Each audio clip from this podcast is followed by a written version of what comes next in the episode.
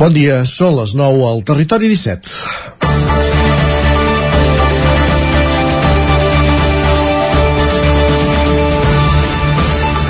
L'aprovació de la llei d'eficiència organitzativa del Servei Públic de Justícia, que pretén modernitzar l'administració de justícia, proposa suprimir el jutge de pau, una figura que remunta al segle XIX i que és el primer esglaó de l'aparell judicial i que té presència a tots els municipis on hi ha un jutjat de primera instància.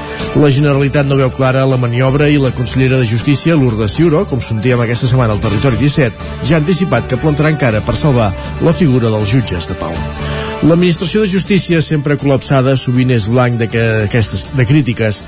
Que es plantegi fer-hi canvis per posar-la al dia d'entrada hauria de ser una bona notícia. Ara bé, els canvis no necessàriament han de ser positius pel sol fet de ser canvis. Ho seran si milloren la situació present. I en el cas de la supressió dels jutges de pau, que a banda de les funcions de registre civil o de comunicació processal de jutjants de rang superior, també tenen competències sobre determinats litigis veïnals, no sembla que sigui així. En comarques com les del territori 17, en què existeix un gran minifundisme municipal, que el sistema prevegui una figura que acosti l'administració de justícia al ciutadà, que contribueixi a incrementar la percepció de proximitat i que amb el filtre previ de la mediació eviti litigis als jutjats, és una necessitat. Per això es fa estrany que es vulgui suprimir. Sí, que en alguns casos potser es podria mancomunar entre municipis veïns però és una figura històricament molt arrelada als pobles que pel perfil de les persones que solen exercir el càrrec socialment és valorada com a útil perquè solen ser persones que coneixen la quotidianitat i tenen una actuació sobretot basada, com dèiem, en la mediació. Per tant, caldria fer el màxim per preservar aquests jutges de pau. Per substituir-los es volen de les oficines de justícia, però la Generalitat tem la supressió dels jutges de pau i que no hi hagi recursos per activar aquesta estructura substitutòria. Caldrà posar atenció al procés. És dijous, 2 de juny de 2022. Comença el Territori 17 a la sintonia d'Ona Codinenca, Ràdio Cardedeu, la veu de Sant Joan, Ràdio Vic, el 9 FM i el 9 TV. Territori 17, amb Isaac Moreno i Jordi Sunyer.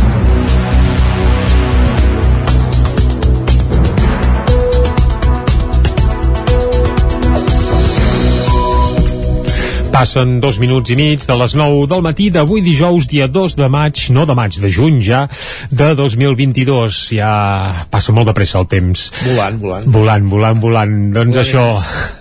I a aquesta hora el que farem de seguida és arrencar el territori 17 i durant la primera hora, com sempre, us acostarem tota l'actualitat de les nostres comarques. A partir de les 10, més informació, actualitzarem butlletins informatius i tot seguit a l'entrevista avui, Isaac, uh, Isaac, anirem cap a la veu de Sant Joan, oi? Avui anirem cap al Ripollès, correcte, per parlar amb, ja he perdut els papers, impressionant, amb la Dolors Costa, que a banda de ser alcaldessa de Can de Mànol és també la consellera d'atenció a les persones sobre un nou cicle de cinema LGTBI que va començar ahir al Ripollès. Ho farem, com dèiem, amb la, amb la consellera comarcal de, de Drets Socials, però també amb la regidora LGTBI de Can de Mànol.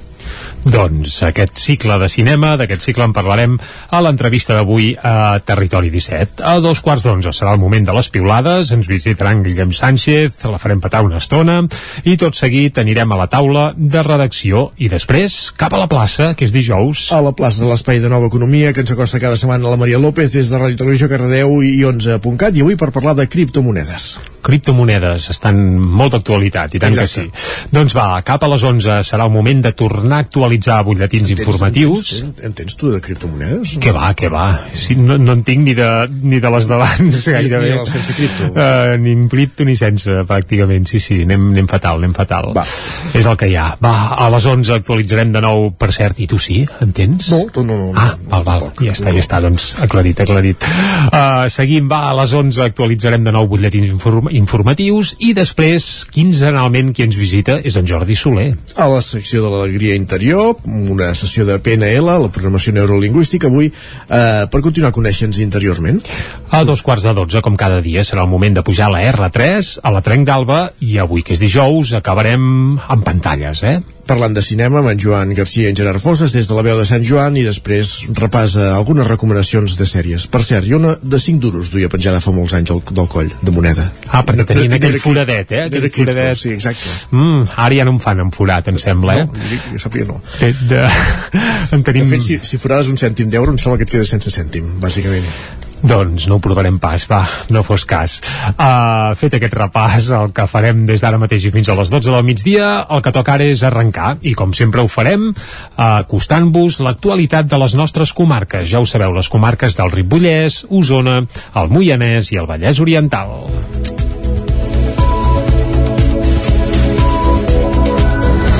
Tensió aquest dimarts al ple de Manlleu. La plataforma Manlleu diu prou havia convocat una protesta contra la inseguretat ciutadana coincidint amb la sessió que es va fer amb retrets i interrupcions des del públic. Coincidint amb el ple municipal del mes de maig a Manlleu, aquest dimarts la plataforma Manlleu diu prou havia convocat una nova concentració contra la inseguretat ciutadana per reclamar, segons l'anunci que havien fet ells mateixos a les xarxes, més presència policial i més seguretat al carrer. Els primers moments de tensió es van viure a l'entrada de l'Ajuntament quan la policia local, argumentant que l'aforament de la sala de sessions ja estava ple, va impedir que més persones hi accedissin. El ple es va anar desenvolupant amb aplaudiments i retrets des del públic. El síndic de Greuges Municipal, Josep Maria Anglada, hi va donar a conèixer l'informe del 2021. Aleix Estrada va passar oficialment a ser regidor no adscrit després que se li retiressin les competències de govern i deixés el grup de Junts per Catalunya. I també s'hi va debatre i aprovar la moció que hi presentava el col·lectiu per una plana viva, la mateixa moció que el dia abans s'havia aprovat al ple de Torelló i que demana l'aplicació urgent de la nova llei dels espais agraris. El to al ple per això va pujar al torn de pregs i preguntes quan els regidors del PSC van preguntar sobre el porta a porta i especialment va pujar quan Marta Moreta va tornar a demanar la dimissió del regidor de Seguretat Ciutadana Arnau Rovira. Escoltem per aquest ordre a la regidora socialista Marta Moreta i el regidor de Seguretat Ciutadana de Manlleu Arnau Rovira. Senyor Rovira, sap que li tinc un apreci personal però ha demostrat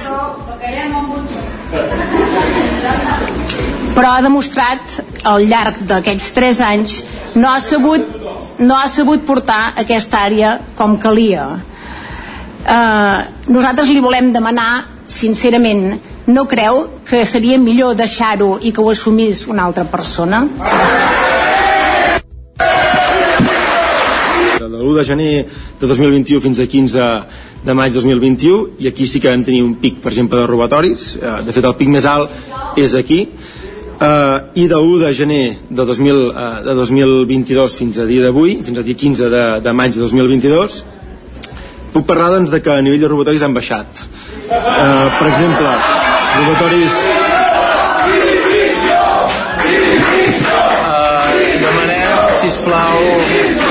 Demanem, sisplau, silenci. L'última intervenció al ple va ser del regidor del PSC, Antoni Poyato, que va demanar als assistents que evitessin interrupcions, com també havia fet l'alcalde, com sentíem ara mateix, Àlex Garrido. Finalment, però, Garrido va donar la sessió per acabada sense donar la veu al públic. Els regidors van sortir de la sala enmig de crits. Els membres de la plataforma Manlleu diu prou tampoc van voler fer declaracions.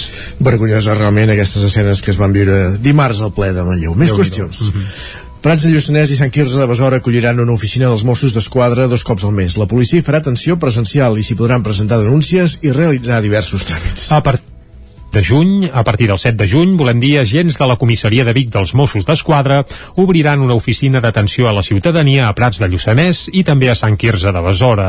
L'objectiu és guanyar proximitat al Lluçanès i al Bisaure, facilitant l'accés de tota la població a tràmits que actualment només es poden fer a la capital d'Osona. En concret, els Mossos es desplaçaran dues vegades al mes a Prats i a Sant Quirze. El primer dimarts de cada mes iniciaran l'atenció a Prats entre les 8 del matí i les 11. Tot seguit aniran a Sant Quirze per atendre la ciutadania entre dos quarts de dotze i dos quarts de dues del migdia. El tercer dimarts de cada mes, l'oficina al Lluçanès i al Bisaure es tornarà a activar. En aquest cas, s'iniciarà l'atenció a Sant Quirze de 8 a 11 per després anar cap a Prats de 2 de 12 a 2 de 2. A les oficines dels Mossos s'hi podran presentar denúncies, fer tràmits administratius, com ara la tramitació de permisos de menors per viatjar a l'estranger, i també s'hi recolliran consultes i inquietuds que pugui tenir la ciutadania. Des de la policia catalana i els mateixos municipis es recomana, això sí, reservar cita prèvia a través de l'Ajuntament quan es vulgui fer ús de l'oficina dels Mossos. A Prats de Lluçanès, la nova oficina s'instal·larà als baixos de l'edifici de l'Ajuntament Vell, mentre que Sant Quirze de Besora ocuparan l'espai del Vigilant, a la plaça Major. Precisament Sant Quirze es troba en procés de crear una borsa de vigilants amb l'objectiu de cobrir l'actual, que està de baixa, i disposar de dos efectius un cop es recuperi la normalitat. Els dos municipis valoren positivament aquest servei al territori i detallen que que s'inicia com una prova pilot que podria créixer en horaris.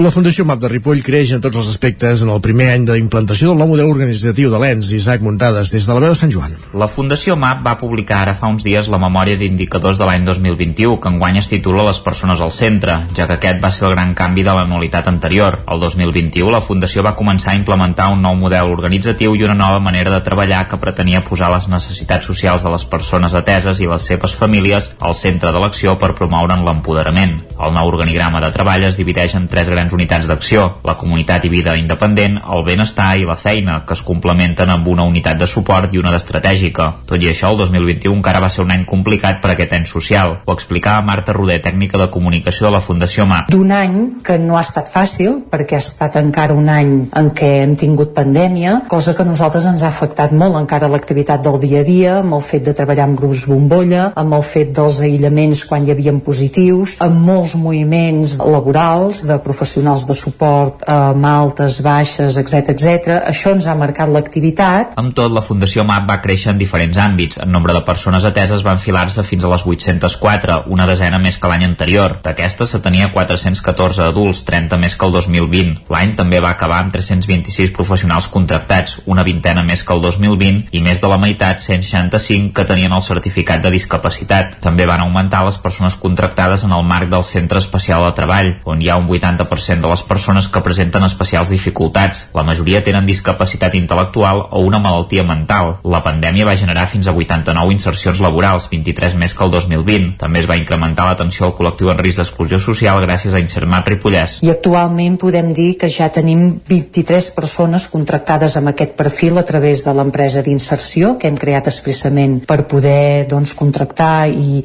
millorar l'ocupabilitat d'aquest col·lectiu i també tenim en marxa d'altres programes que actuen directament amb persones i amb famílies en situació de vulnerabilitat, com és el Caixa Pro Infància, actualment en marxa a les poblacions de Ripoll i Sant Joan de les Abadeses. També tenim el programa de joves extutelats, hem donat suport a regularització de papers i a més a més també estem col·laborant Càritas en diferents línies formatives. Els indicadors econòmics també han crescut i la Fundació MAP ha tingut uns ingressos d'uns 12,3 milions d'euros i s'han fet inversions per valor de 894.000 euros que han permès posar en funcionament el nou espai formatiu i de transició del treball a l'ocupació que es diu InLab i compta amb un espai de creació artística i l'edifici de Cala Irena on hi ha una zona de rehabilitació amb una piscina d'hidroteràpia i un espai de fisioteràpia. Els nous reptes que es projecten per enguany és l'obertura d'un nou hotel i restaurant a Sant Joan de les Abadeses, la botiga de moda sostenible Moda Rea Ripoll o la xarxa d'habitatges socials per una vida independent a la comunitat per a persones amb discapacitat i risc d'exclusió social. Gràcies, Isaac. Més qüestions. Eh, del Ripollès cap al Vallès Oriental, perquè a partir d'ara els veïns de Sant Feliu de Codines poden comunicar qualsevol tipus d'incidència en espais públics del poble a través d'una aplicació de telèfon mòbil, amb un termini màxim de resposta de 24 hores. Ona Codinenca, Caral Campàs. Dels pobles de l'eix 59 parlant sobre que a partir d'ara els veïns de Sant Feliu de Codines poden comunicar qualsevol tipus d'incidència en espais públics del poble a través d'una aplicació de telèfon mòbil amb un termini màxim de resposta de 24 hores. L'Ajuntament de Sant Feliu de Codines ha posat en marxa una nova eina per millorar la gestió d'incidències al municipi. S'anomena Sant Feliu un poble viu i està disponible en format d'aplicació per a smartphones i en format de pàgina web. A través d'aquest nou canal de comunicació directa, els veïns podran comunicar qualsevol tipus d'incidència que detectin als espais públics del municipi. Alhora, els veïns estaran informats a temps real del procés que segueixin les notificacions que facin a través de l'APP. Una de les representants de Línia Verde, Esther Fidalgo, explicava els passos que s'han de seguir per notificar una incidència aquest dimarts en una roda de premsa. Aquesta és l'empresa que ha proporcionat aquest nou servei. Entonces, supongamos que somos un vecino del municipio que hemos visto un desperfecto que queremos poner en conocimiento del ayuntamiento, ¿qué es lo que haríamos? Pincharíamos sobre nueva incidencia, ¿vale? Y aquí figuran un listado de tipologías de incidencias de desperfectos que se pueden comunicar. Por un lado tenemos aceras y calzadas, alcantarillado, alumbrado, basuras, limpiezas, servicio de agua, cementerio, mobiliario urbano, parques y jardines, equipamientos municipales. Otros plagas de insectos y roedores, animales abandonados, abandonados señales y semáforos, tráfico y movilidad y vandalismo. La notificació anirà vinculada a un número de registre, la data concreta del registre, la tipologia, la direcció, una fotografia i un comentari. A més, l'usuari podrà anar comprovant quins passos se segueixen a l'hora de resoldre-la i hauran de rebre una resposta en un termini màxim de 24 hores. Gràcies, Caral. Granollers acull entre ahir i avui una nova edició del Mercat Audiovisual de Catalunya amb la nova llei audiovisual com a protagonista i amb els Premis de Comunicació Local que es van lliurar ahir al Prat Ràdio com a millor ràdio i BOTV com a millor televisió, entre d'altres guardons. Ràdio Televisió Cardedeu, David Alladell. L'antiga fàbrica Roca Humbert de Granollers va recuperar ahir la presencialitat total al mercat audiovisual de Catalunya, després de dues edicions en format totalment telemàtic o mix en el cas de l'any passat. La cita va omplir l'espai amb ponències, empreses del sector que exposaven els seus darrers enginys o podcasters que celebraven aquest any la segona edició de la trobada de podcasting de Catalunya. La sessió inaugural d'enguany va ser marcada per la caiguda de les mesures sanitàries, però sobretot per la llei audiovisual, que els ponents van assegurar que preocupa el sector, però que esperen que es pugui corregir amb la llei catalana. Després que el 2020 se celebrés totalment telemàtic i l'any passat es convoqués amb una fórmula mixta, aquest any el MAC va tornar en plena presencialitat i en moviment entre carrerons de l'antiga fàbrica Roca Humbert, amb diversos escenaris i platós. La cita va unir més de 70 ponents al llarg d'un dia on l'audiovisual català va ser el clar protagonista, tant per la mostra de productes com per fer contactes per néixer nous projectes. Aquest mercat és possible gràcies a la reobertura dels 3.000 metres quadrats d'espais destinats a la cita. No és poca cosa pel sector de l'audiovisual de proximitat i ho tenen tot preparat perquè aquesta edició del MAC sigui una de les millors que mai s'han celebrat. Això detallava el director del MAC, Josep Maria Codina en una sessió inaugural en què també hi va participar l'alcaldessa de Granollers, Alba Bernusell, i la vicepresidenta de la Diputació de Barcelona i l'alcaldessa de Santa Coloma de Gramenet, Núria Parlon, juntament amb el conseller delegat de la XAL, Marc Melillas, la llei audiovisual espanyola va ser un dels elements que més es van abordar. Tant Duran com el president del CAC, Xavi Xirgu, van coincidir en valorar l'impacte que té la nova legislació en el sector audiovisual català, sobretot en el de proximitat. I un últim apunt per explicar que el desembre de... Perdó, el desembre de 1973 es posava en circulació el bitllet de 500 pessetes amb el rostre de Jacint Verdaguer un, en una banda i la imatge del Canigó vist des de Bernet a la Catalunya Nord de l'altra. L'artífex que el Banc d'Espanya decidís posar-hi la imatge del poeta va ser Joan Emils, de Ripoll, un enamorat de Verdaguer. La seva proposta inicial pel bitllet, però, no va ser acceptada del tot, perquè també demanava que hi hagués una quarteta de versos de Verdaguer i que a la cara que finalment hi va quedar el Canigó hi volia posar la imatge del padró dedicat a l'autor que hi ha a Folgueroles. L'episodi deixa la nota curiosa que l'estampa del Canigó, que van acabar escollint les autoritats franquistes i que havia facilitat la Unió Excursionista de Catalunya, mostra la muntanya des de fora de les fronteres espanyoles, perquè està feta des de Bernet dels Banys. Ho explicava divendres al programa i Bona Lletra del Nou TV Joan Vilamala, que és membre del patronat de la Fundació Verdaguer, que ara és dipositària de l'arxiu de Joan Emils. De fet, no se'n surt perquè li diuen, per això ho provocarà tot, li diuen que en Verdaguer és poc popular, que el Verdaguer no tindrà popularitat. I llavors ell, per demostrar que, que sí, es, es posa a fer exposicions uh -huh. i aconsegueix de, de, uh, fins i tot l'edició aquesta d'aquest bitllet i va ser ben bé per iniciativa pròpia era una manera de, de, de guanyar punts davant d'Europa utilitzar Verdaguer per, per, per, per dissimular la repressió real que hi havia i per això l'utilitzaven però ja et dic que en aquest cas els va sortir una mica una mica contradictori perquè hi ha aquesta és l'únic bitllet del món que posa una imatge de l'estat veí vull dir, això és l'única vegada a la història que ha passat Mala també va revelar la negativa que, que va rebre el ripollès Joan Amils a participar a un programa de televisió espanyola parlant precisament de mossèn Cinto. Aquest fet, però, és el que va acabar fent possible el bitllet de 500 pessetes amb la imatge de Jacint Verdaguer. Segur que, Isaac, havies tingut algun i tot, potser. Segur que sí. Segur. Ara mateix el que fem, però, eh, més enllà de parlar de bitllets de 500 pessetes, que ja queden una mica lluny, sí. és parlar del temps. Després d'aquest repàs informatiu que hem fet en companyia de David Auladell, Isaac Muntades, Caral Campàs i Jordi Sunyer.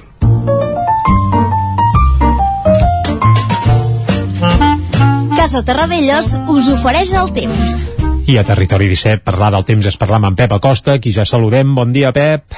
Hola, molt bon dia. Molt bona hora. Benvinguts a la informació meteorològica, un dia més.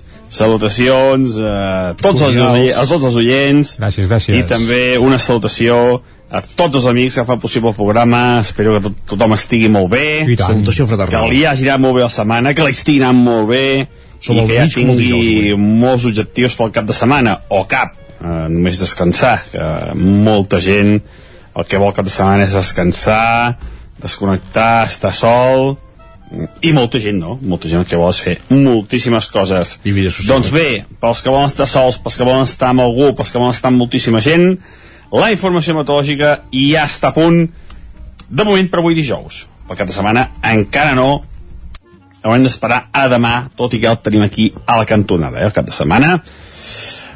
Continua el mateix panorama, tenim aquesta mini bombolla, diria, d'aire africà que, que ens està afectant.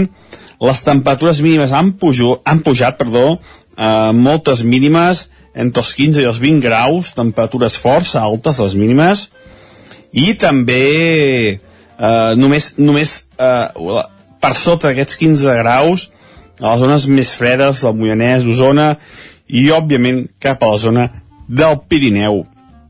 La nuvolositat és una mica eh, més important que ahir. Eh, hi ha més núvols prims, eh, més mala visibilitat.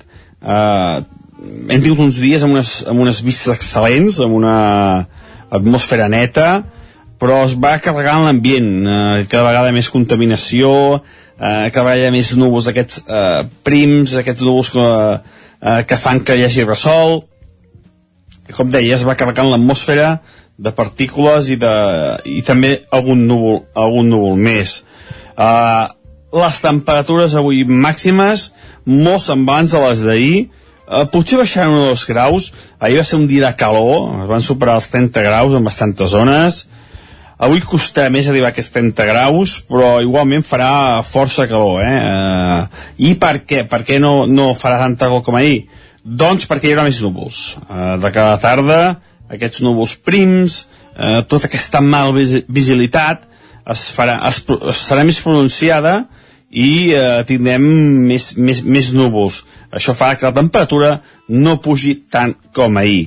Els vents febles de sud, uh, aquesta bombolla d'aire uh, africà que ens està afectant, i eh, només hi pot haver alguna nuvolada destacada cap a la zona del Pirineu, però que en principi no deixaran precipitacions. Ahir vam tenir una tempesta cap a l'oest de Catalunya, no va afectar les nostres comarques, i avui és possible que es repeteixi la mateixa situació. Eh, tenim una pertorbació cap a, cap a l'oest de la península ibèrica, que és la que aporta les tempestes eh, cap a aquesta zona, eh, cap a l'oest de la península, de, de la península si queden tempestes, aquí arriben més les escorrialles, i ahir ens van afectar, però, però a les comarques no van arribar aquestes tempestes. I avui segurament tampoc arribaran, eh? que això una nuvolada, però no, no hi haurà tempesta.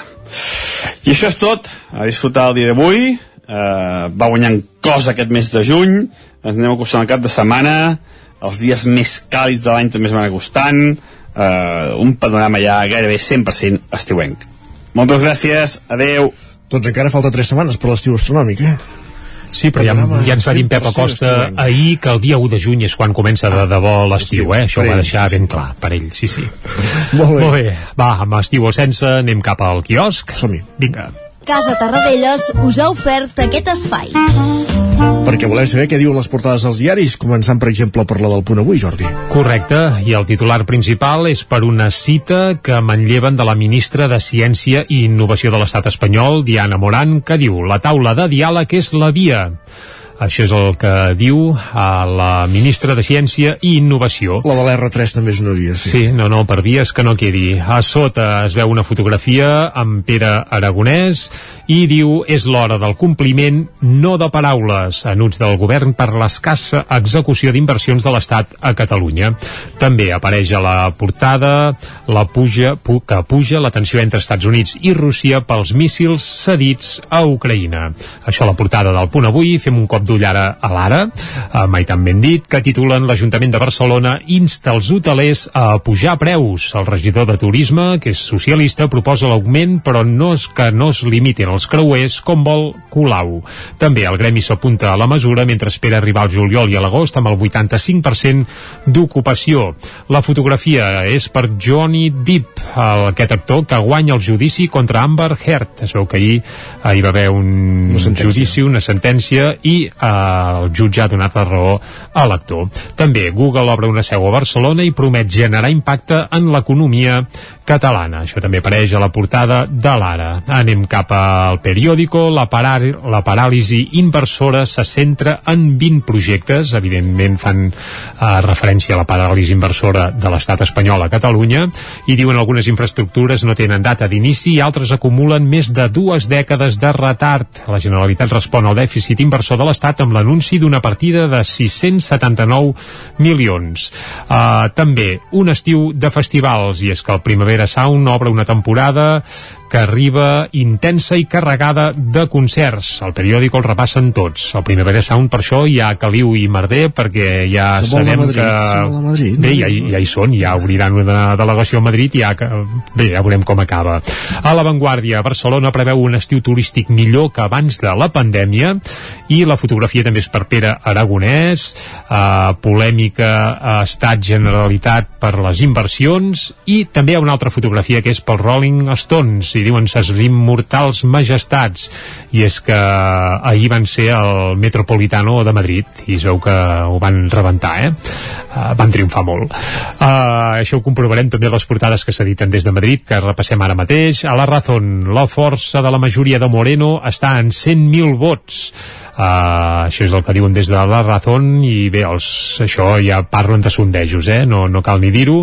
Els Rolling Stones immortalitzen el rock. També apareix a la portada de la Razón al país, les sancions a Rússia afegeixen pressió a la fràgil economia de la Unió Europea, la fotografia també és per Mick Jagger, i el Mundo Delgado desafia el Suprem i es revenja d'un fiscal crític, la fotografia també però és pel Rollings, i a l'ABC no són gaire de Rolling Stones, evidentment, i a la fotografia hi posen a Íñigo Errejón, que atenció, segons l'ABC, va forçar a simpatitzants a fer donacions al partit. Forçar, eh? Tampoc som molt de l'Errejón, eh? Per No, tampoc, encara menys, segurament. Va, pausa i tornem. El nou FM, la ràdio de casa, al 92.8. Cobertes serveis funeraris. Els nostres tanatoris estan ubicats en els nuclis urbans més poblats de la comarca d'Osona per oferir un millor servei. Tanatori de Vic, Tanatori de Manlleu, Tanatori de Centelles i Tanatori de Roda de Ter. Sabem que són moments difícils i per això el nostre compromís és atendre-us en tot moment amb un tracte humà, sensible i respectuós. Cobertes serveis funeraris. Telèfon 24 hores 93 883 23 46. Arriba la tretzena Fira de la Ratafia de Centelles. L'11 i el 12 de juny vine a descobrir tots els secrets d'aquesta beguda mil·lenària. Hi trobaràs parades per conèixer tots els tipus, xerrades, tallers pràctics per fer la teva pròpia ratafia o remeis casolans i coneixerem el guanyador del 13è concurs de ratafies casolanes de Centelles. L'11 i el 12 de juny tens una cita amb la ratafia a Centelles. Per Aigües Vic, disminuir l'impacte de la nostra activitat en el medi natural és una prioritat. Any rere any treballem per una transició energètica en tots els nostres processos que incrementi el compromís climàtic i garanteixi una gran eficiència.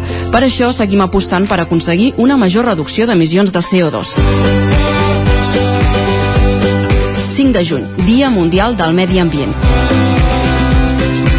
Aigües Vic, amb tu, clars com l'aigua. Arriba l'estiu i les vacances. Ja tens el teu cotxe o la moto a punt? No ho deixis per més endavant. Autotaller Callatenes, taller de reparació mecànica, diagnosi, xapa, electricitat i pneumàtics. Carrer Verge de la Mercè 17 de Callatenes, 93 868 99 16 o 682 53 91 21. Sherlock Holmes ha mort i Watson necessita la vostra ajuda per tornar enrere en el temps i trobar el punt exacte per salvar-lo del parany de Moriarty. Posa't en la pell del detectiu britànic i resol tots els enigmes en menys de 60 minuts per poder escapar. Elementary Escape Room de Vic, una aventura per a tota la família. Fes la teva reserva per WhatsApp amb el codi La Ràdio de Sherlock i aconseguiràs un 10% de descompte. Ens trobaràs de dijous a diumenge al carrer de la Fusina 22 de Vic per telèfon i WhatsApp al 622 85 54 17 o elementary.cat. El nou FM, la ràdio de casa, al 92.8. Anuncia't al 9 FM. La màquina de casa. 9 3 8 8 9 4 9 4 9. Publicitat arroba al 9FM.cat. Anuncia't al 9 FM. La publicitat més eficaç. El 9 FM. El 9 FM. El 9 FM. El 9 FM. En punt dos quarts de deu al territori 17. Territori 17, amb Isaac Moreno i Jordi Sunyer.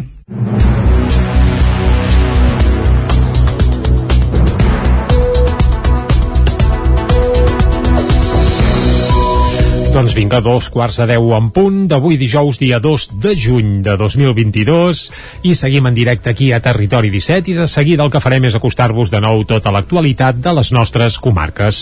Abans de les 10, com cada dia, hi posarem una mica de música i avui... Cap on anirem avui? Uh, bé, avui Això aquest cap de francès, setmana eh? sí, aquest cap de setmana a Vic uh, hi ha el so de les cases, una Correcte. espècie de festival que casa patrimoni i música hi haurà prop Costa de... molt, eh, trobar entrades, ja...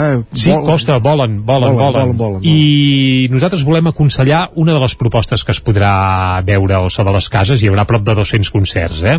alguns de repetits. Però una de les propostes més interessants jo crec que és la que escoltarem avui. És de la Isabel Vinardell i l'Isabel Laudenbach, es fan dir les Isabeles, i és una proposta brutal. En explicarem quatre detalls i escoltarem una peça just abans de les 10 i ja detallem que tocaran al pati de l'Albergaria, un lloc que s'estrena aquest any, que no s'hi ha fet mai res, que és tota una descoberta i que segurament té una sonoritat espectacular per la proposta que, que escoltarem. Molt bé. Va, això ho farem una mica abans de les 10. A les 10 actualitzarem butlletins informatius i tot seguit, Isaac, eh, parlarem també una mica del temps amb en Pep Acosta de nou perquè ens actualitzi la informació meteorològica i després anirem cap al Ripollès a l'entrevista, oi? Avui parlarem amb la Dolors Costa, que és l'alcaldessa de Can de Bànol, però avui parlarem amb ella, amb el barret de consellera comarcal de serveis a les persones, sobre el nou, el, el primer cicle de projeccions cinematogràfiques temàtiques impulsat per la taula LGTBI del Ripollès, que va començar ahir. Doncs vinga, tots els detalls d'aquest cicle a l'entrevista. A dos quarts d'onze serà el moment de les ahir, va piulades. començar ahir, però s'allargarà fins al setembre, eh? no patiu, que tenim dies per, per Ah. celebrar el cicle. I és bo, i és bo, que duri, que duri. Això, el que dèiem, el que també durarà és el programa, eh? perquè encara tenim moltes més coses. A dos quarts d'onze, piulades amb en Guillem Sánchez. Tot seguit farem un cop d'ull a les portades del 99.cat, anirem a la taula de redacció i després encara tindrem temps d'anar d'excursió fins a la plaça. Avui amb la Maria López i 11.cat, aquesta secció sobre la nova economia de cada dijous per parlar de criptomonedes, que ja ens ha quedat clar que aquí al territori 17, si més no aquí l'estudi, poques ara mateix. Sí, poques o nules o... eh, Per molt virtuals que siguin. Són més dels bitllets de 500, de, de 500 pessetes de Verdaguer. que tampoc ens en queda cap, per Exacte. cert, ja, però vaja. Va, a les 11 en punt serà el moment d'actualitzar de nou butlletins informatius i tot seguit qui ens visitarà serà en Jordi Soler. Amb l'alegria interior, l'espai de programació neurolingüística, el PNL de cada dijous per conèixer-nos interiorment. A dos quarts de dotze pujarem com cada dia al tren, a la R3 i tot seguit, com que és dijous, cap al cinema. Amb en Gerard Foses i en Joan Garcia des de la veu de Sant Joan per conèixer les estrenes de la setmana i la cartellera a les sales de casa nostra. I per acabar, alguna recomanació fins i tot de sèries, eh, que no faré jo perquè aniríem, aniríem al segle XX. En tens tantes com criptomonedes. de Exacte, exacte. Molt bé, i ara que ja estem situats, el que hem de fer és acostar-vos de nou, com dèiem abans, l'actualitat de les nostres comarques. Ja ho sabeu, les comarques del Vallès Oriental, el Moianès, Osona i el Ripollès. Atenció aquest dimarts al ple de Manlleu. La plataforma Manlleu diu prou havia convocat una protesta contra la inseguretat ciutadana coincidint amb la sessió que es va fer amb retrets i interrupcions des del públic. Coincidint amb el ple municipal del mes de maig a Manlleu, aquest dimarts la plataforma Manlleu diu prou havia convocat una nova concentració contra la inseguretat ciutadana per reclamar, segons l'anunci que havien fet ells mateixos a les xarxes, més presència policial i més seguretat al carrer. Els primers moments de tensió es van viure a l'entrada de l'Ajuntament, quan la policia local argumentant que l'aforament de la sala de sessions ja estava ple, va impedir que més persones hi accedissin. El ple es va anar desenvolupant amb aplaudiments i retrets des del públic. El síndic de Greuges Municipal, Josep Maria Anglada, hi va donar a conèixer l'informe del 2021. Aleix Estrada va passar oficialment a ser regidor no adscrit després que se li retiressin les competències de govern i deixés el grup de Junts per Catalunya. I també s'hi va debatre i aprovar la moció que hi presentava el col·lectiu per una plana viva, la mateixa moció que el dia abans s'havia aprovat al ple de Torelló i que demana l'aplicació urgent de la nova llei dels espais agraris. El to al ple per això va pujar al torn de pregs i preguntes quan els regidors del PSC van preguntar sobre el porta a porta i especialment va pujar quan Marta Moreta va tornar a demanar la dimissió del regidor de Seguretat Ciutadana, Arnau Rovira. Escoltem per aquest ordre a la regidora socialista Marta Moreta i el regidor de Seguretat Ciutadana de Manlleu, Arnau Rovira. Senyor Rovira, sap que li tinc un apreci personal, però ha demostrat però ha demostrat al llarg d'aquests tres anys no ha sabut, no ha sabut portar aquesta àrea com calia. Eh, nosaltres li volem demanar, sincerament, no creu que seria millor deixar-ho i que ho assumís una altra persona? De l'1 de gener de 2021 fins a 15 de maig 2021 i aquí sí que vam tenir un pic per exemple de robatoris. Eh, de fet el pic més alt és aquí. Eh, i de 1 de gener de, 2000, eh, de 2022 fins a dia d'avui fins a dia 15 de, de maig de 2022 puc parlar doncs de que a nivell de robatoris han baixat. Eh, per exemple robatoris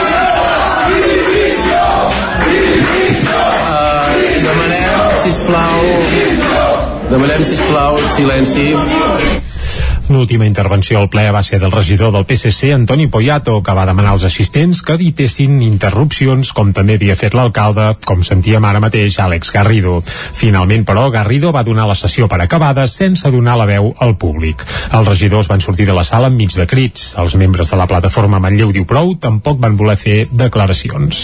Vergonyosa realment aquestes escenes que es van viure dimarts al ple de Manlleu. Més qüestions. Prats de Lluçanès i Sant Quirze de Besora acolliran una oficina dels Mossos d'Esquadra dos cops al mes. La policia farà atenció presencial i s'hi podran presentar denúncies i realitzar diversos tràmits. A part de juny, a partir del 7 de juny, volem dir, agents de la comissaria de Vic dels Mossos d'Esquadra obriran una oficina d'atenció a la ciutadania a Prats de Lluçanès i també a Sant Quirze de Besora. L'objectiu és guanyar proximitat al Lluçanès i al Bisaure, facilitant l'accés de tota la població a tràmits que actualment només es poden fer a la capital d'Osona. En concret, els Mossos es desplaçaran dues vegades al mes a Prats i a Sant Quirze. El primer dimarts de cada mes iniciaran l'atenció a Prats entre les 8 del matí i les 11. Tot seguit aniran a Sant Quirze per atendre la ciutadania entre dos quarts de 12 i dos quarts de dues del migdia. El tercer dimarts de cada mes, l'oficina al Lluçanès i al Bisaure es tornarà a activar. En aquest cas, s'iniciarà l'atenció a Sant Quirze de 8 a 11 per després anar cap a Prats de 2 de 12 a 2 de 2. A les oficines dels Mossos s'hi podran presentar denúncies, fer tràmits administratius, com ara la tramitació de permisos de menors per viatjar a l'estranger, i també s'hi recolliran consultes i inquietuds que pugui tenir la ciutadania. Des de la policia catalana i els mateixos municipis es recomana, això sí, reservar cita prèvia a través de l'Ajuntament quan es vulgui fer ús de l'oficina dels Mossos. A Prats de Lluçanès, la nova oficina s'instal·larà als baixos de l'edifici de l'Ajuntament Vell, mentre que Sant Quirze de Besora ocuparan l'espai del Vigilant, a la plaça Major. Precisament Sant Quirze es troba en procés de crear una borsa de vigilants amb l'objectiu de cobrir l'actual, que està de baixa, i disposar de dos efectius un cop es recuperi la normalitat. Els dos municipis valoren positivament aquest servei al territori i detallen que s'inicia com una prova pilot que podria créixer en horaris.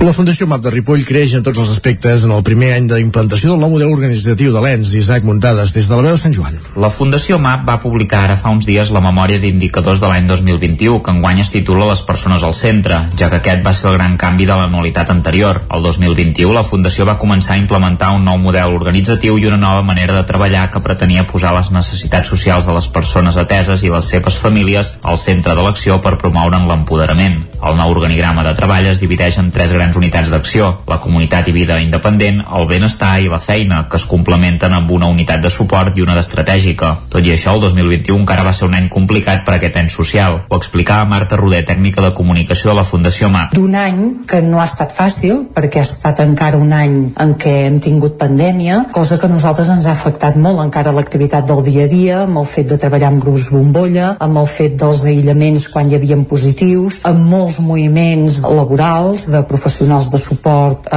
altes, baixes, etc etc. Això ens ha marcat l'activitat. Amb tot, la Fundació MAP va créixer en diferents àmbits. En nombre de persones ateses va enfilar-se fins a les 804, una desena més que l'any anterior. D'aquestes se tenia 414 adults, 30 més que el 2020. L'any també va acabar amb 326 professionals contractats, una vintena més que el 2020 i més de la meitat, 165, que tenien el certificat de discapacitat. També van augmentar les persones contractades en el marc del Centre Especial de Treball, on hi ha un 80% de les persones que presenten especials dificultats. La majoria tenen discapacitat intel·lectual o una malaltia mental. La pandèmia va generar fins a 89 insercions laborals, 23 més que el 2020. També es va incrementar l'atenció al col·lectiu en risc d'exclusió social gràcies a Insermat Ripollès. I actualment podem dir que ja tenim 23 persones contractades amb aquest perfil a través de l'empresa d'inserció que hem creat expressament per poder doncs, contractar i millorar l'ocupabilitat d'aquest col·lectiu i també tenim en marxa d'altres programes que actuen directament amb persones i amb famílies en situació de vulnerabilitat, com és el Caixa Pro Infància, actualment en marxa a les poblacions de Ripoll i Sant Joan de les Abadeses. També tenim el programa de joves extutelats, hem donat suport a la regularització de papers i a més a més també estem col·laborant Càritas en diferents línies formatives. Els indicadors econòmics també han crescut i la Fundació MAP ha tingut uns ingressos d'uns 12,3 milions d'euros i s'han fet inversions per valor de 894.000 euros que han permès posar en funcionament el nou espai formatiu i de transició del treball a l'ocupació que es diu InLab i compta amb un espai de creació artística i l'edifici de Cala Irena on hi ha una zona de rehabilitació amb una piscina d'hidroteràpia i un espai de fisioteràpia. Els nous reptes que es projecten per enguany és l'obertura d'un nou hotel i restaurant a Sant Joan de les Abadeses, la botiga de moda sostenible Moda Rea Ripoll o la xarxa d'habitatges socials per una vida independent a la comunitat per a persones amb discapacitat i risc d'exclusió social.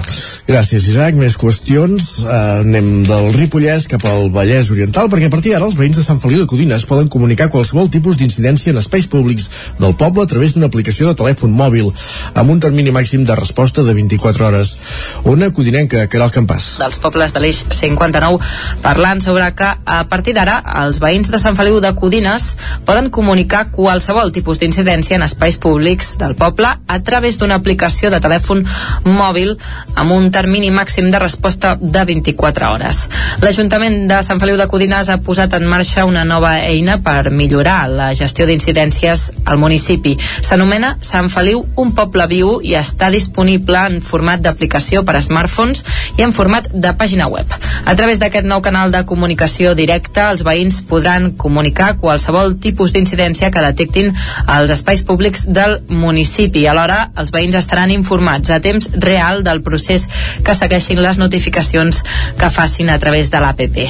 Una de les representants de Línia Verde, Esther Fidalgo, explicava els passos que s'han de seguir per notificar una incidència aquest dimarts en una roda de premsa. Aquesta és l'empresa que ha proporcionat aquest nou servei.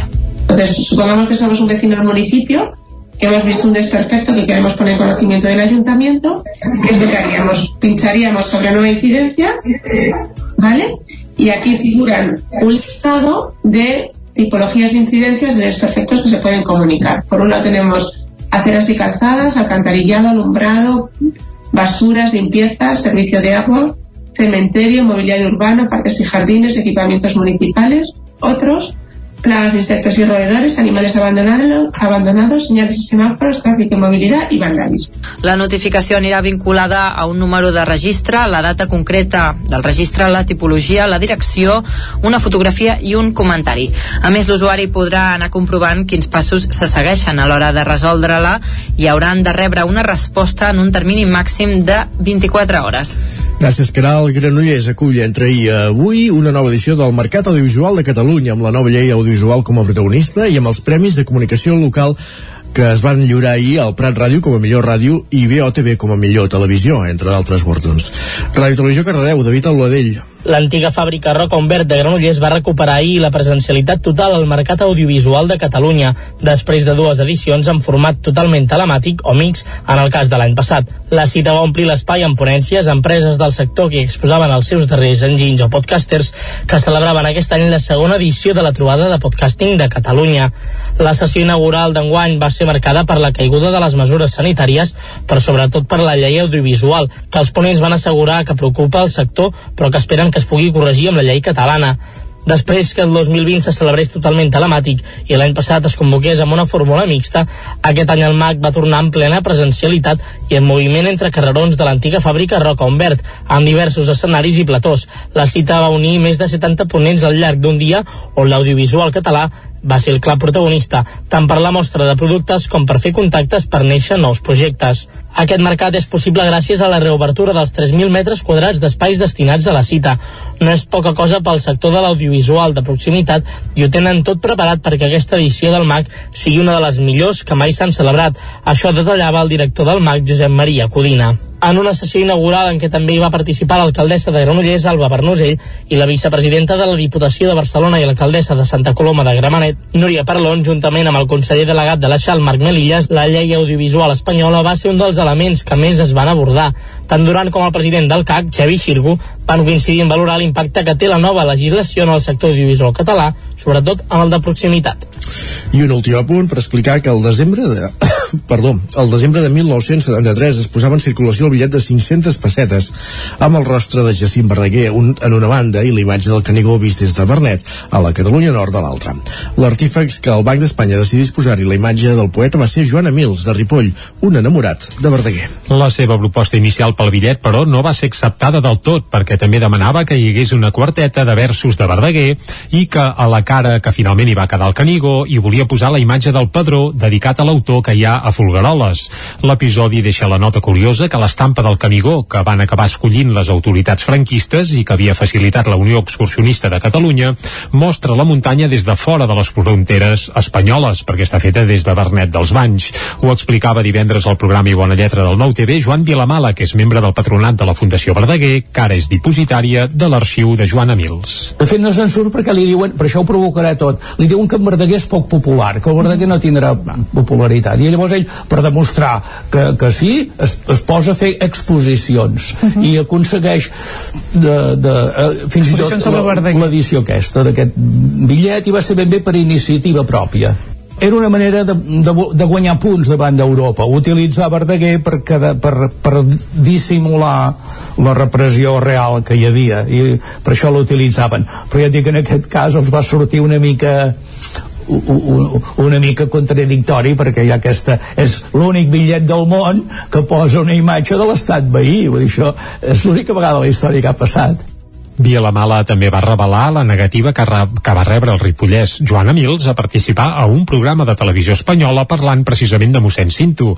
Aquest fet, però, és el que va acabar fent possible el bitllet de 500 pessetes amb la imatge de Jacint Verdaguer. I segur que, Isaac, havies tingut algun i tot, potser. Segur que sí. Segur. Ara mateix el que fem, però, eh, més enllà de parlar de bitllets de 500 pessetes, que ja queden una mica lluny, sí. és parlar del temps. Després d'aquest repàs informatiu que hem fet en companyia de David Auladell, Isaac Muntades, Caral Campàs i Jordi Sunyer.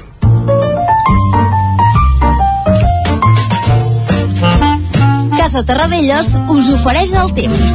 I a Territori 17 parlar del temps és parlar amb en Pep Acosta, qui ja saludem. Bon dia, Pep.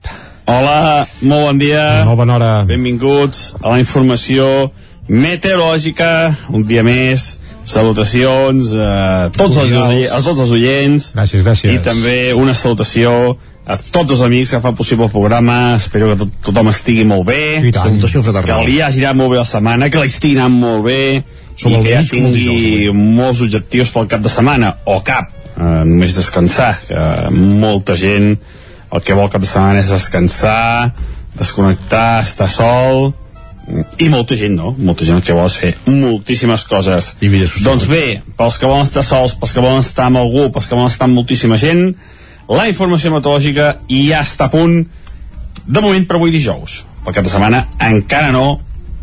Haurem d'esperar a demà tot i que el tenim aquí a la cantonada eh, el cap de setmana Continua el mateix panorama, tenim aquesta mini bombolla, diria, d'aire africà que, que ens està afectant.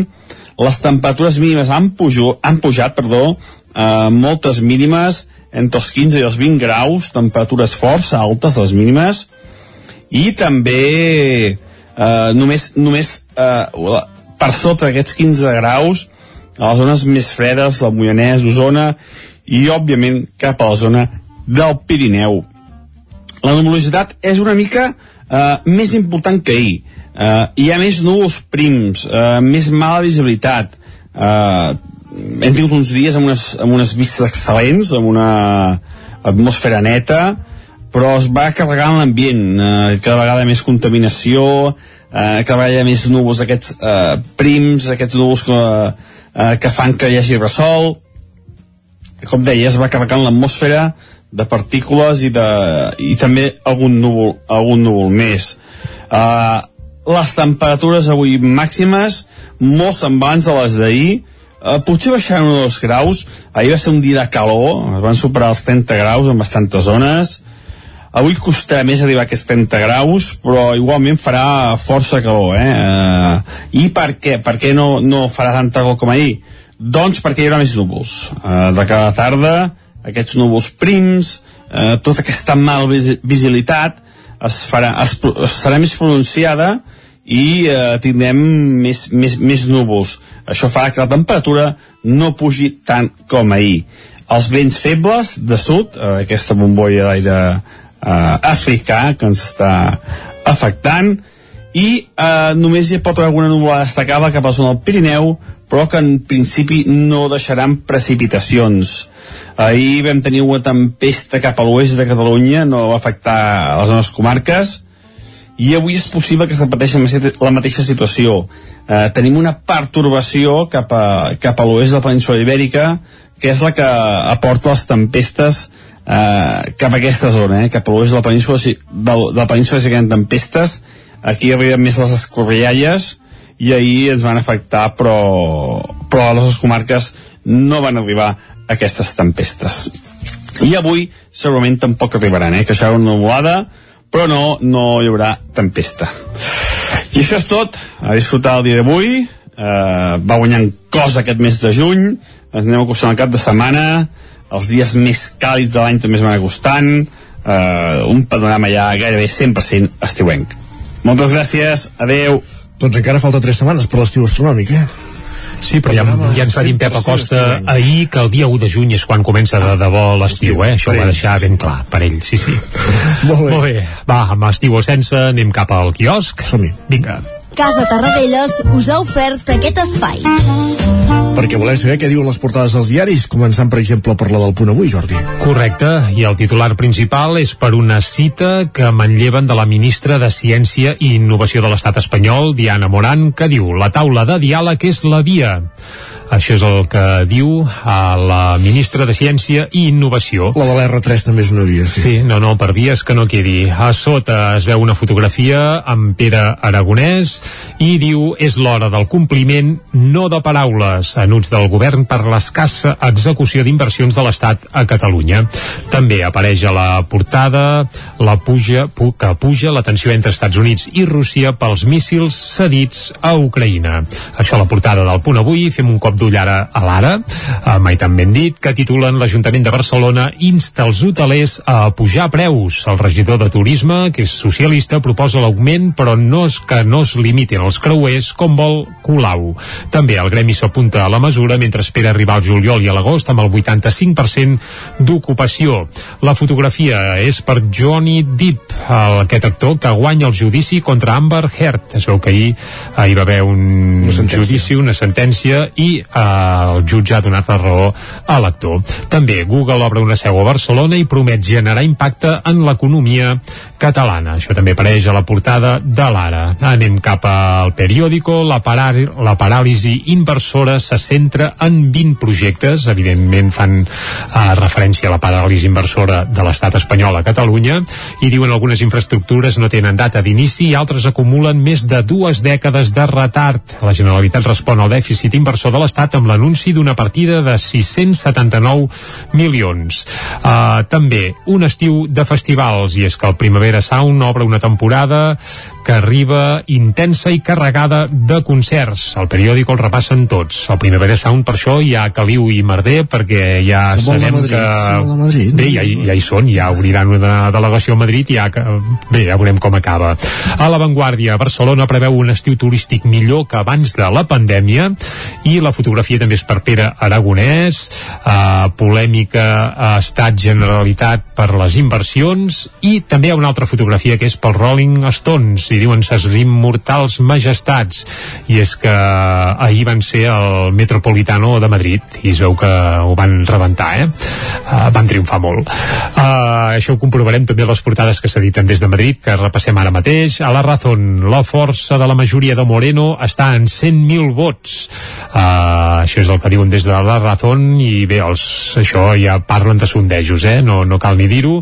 Els Rolling Stones immortalitzen el rock. També apareix a la portada de la Razón al país, les sancions a Rússia afegeixen pressió a la fràgil economia de la Unió Europea. La fotografia també és per Mick Jagger. I el Mundo Delgado desafia el Suprem i es revenja d'un fiscal crític. La fotografia també però és pel Rollings. I a l'ABC no són gaire de Rolling Stones, evidentment, i a la fotografia hi posen a Íñigo Errejón, que, atenció, segons l'ABC, va forçar a simpatitzants a fer donacions al partit. Ni dels Stones ni de l'Errejón, no, no, l'ABC no. No, no, ja es veu que... Bé, ja ja sabem de quin peu calcen i musicalment parlant, home, potser algun periodista una mica... Per un cop a la vida, vida hagués volgut anar al guant de Metropolitano. Sí, jo Llàstima també. Que, com sempre, me'l vaig assabentar tard. Ahir ho vaig fer saber que tocaven els Stones a Madrid. Bé, cal dir que és l'únic concert que faran a la península ibèrica i tenint en compte l'edat de... Bé, amb els Rollings no es pot dir mai, Sí, eh? però, per Això també és cert, eh? Wood ja no hi és. no m'estranyaria que sí, no, no, però bé, mentre hi hagi Mick Jagger i, un tros d'en Kate Richards, jo crec que seguiran eh, tocant eternament i veurem, veurem si algun altre dia tornen a espategar pels països catalans, que estaria bé, home, Estaria una mica bé, de nostàlgia i encara que sigui passada pel sedàs d'uns tios que s'acosten a la vuitantena, doncs té, té la seva gràcia. Estadi Olímpic els hi deixem. Bé, sí, sí, eh? home, i jo. Ah, no, jo, els hi, jo els hi he vist, eh? l'estadi olímpic no és per res, però hi han estat i festivalars. Va, deixem els Rollings, però no deixem la música. Ara, ara. I, I és que ens acostarem al So de les Cases, un festival que es farà aquest cap de setmana a Vic, que casa música i patrimoni. Què vol dir això? Doncs que els concerts no es fan a, ni a l'Auditori, ni a l'Atlàntida, ni a la plaça Major, sinó que es, fa, a, es fan en espais singulars de la ciutat que habitualment no acullen ja no concerts, sinó que normalment estan tancats, ras i curt. Alguns són de cases particulars, de, sobretot de gent del Malic de la ciutat de Vic, amb patis interiors que els cedeixen expressament per l'ocasió, d'altres són esglésies i d'altres són racons que s'han gairebé, podríem dir, que redescobert, com és el cas del pati de l'Albergaria, on divendres, dissabte i diumenge, en tres sessions cada dia, hi actuaran Isabel Vinardell i Isabel Laudenbach. La Isabel Vinardell canta i també balla, i l'Isabel Laudenbach doncs toca la guitarra clàssica i fa veus, i juntes fan eh, una cosa preciosa, amb aires de bolero, de sons mediterranis, de ritmes també sud-americans, alguna pinzellada de flamenc, és, és espectacular, i tenint en compte l'indret on tocaran, jo crec que és una proposta que gairebé seria obligat eh, a engolir. I cal dir que si voleu anar a algun d'aquests concerts, eh, podeu eh, reservar entrades anticipadament de manera gratuïta al so de les cases vic.cat, des d'avui mateix ja es poden reservar, i els concerts no són convencionals, eh? són concerts de mitjoreta, 25 minuts, per tant, bloc gros en podeu anar a fer o engolir 4 o 5, i bé, quedareu encantats amb veus com la que ja estem escoltant de fons, de la cançó Obrir la Boix, una de les peces del nou disc de l'Isabel Bernardell i l'Isabel Laudenbach, un disc que es titula Dièresis. Amb això arribarem fins al punt de les 10 aquí a Territori 17. palais revenu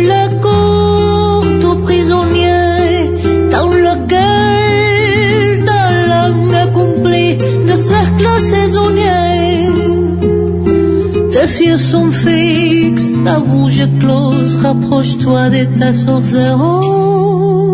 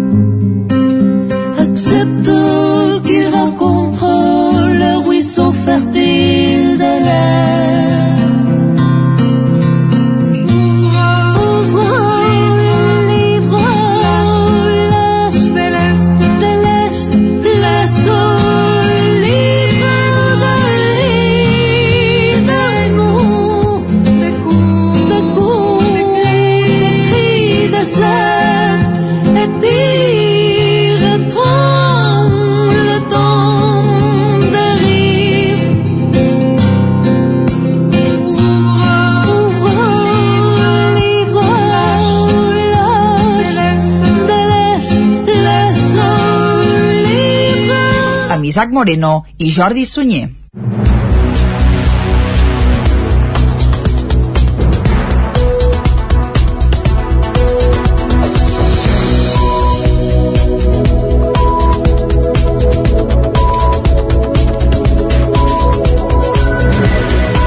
Dijous 2 de juny de 2022, moment d'actualitzar-nos al territori 17, moment de posar-nos al dia amb les notícies més destacades de les nostres comarques i ho fem en connexió amb les diferents emissores que dia a dia fan possible el territori 17, el Ripollès, a Osona, el Vallès Oriental i el Moianès, que són la veu de Sant Joan, Ona Codinenca, Ràdio Cardedeu, Ràdio Vic, el 9 FM i el 9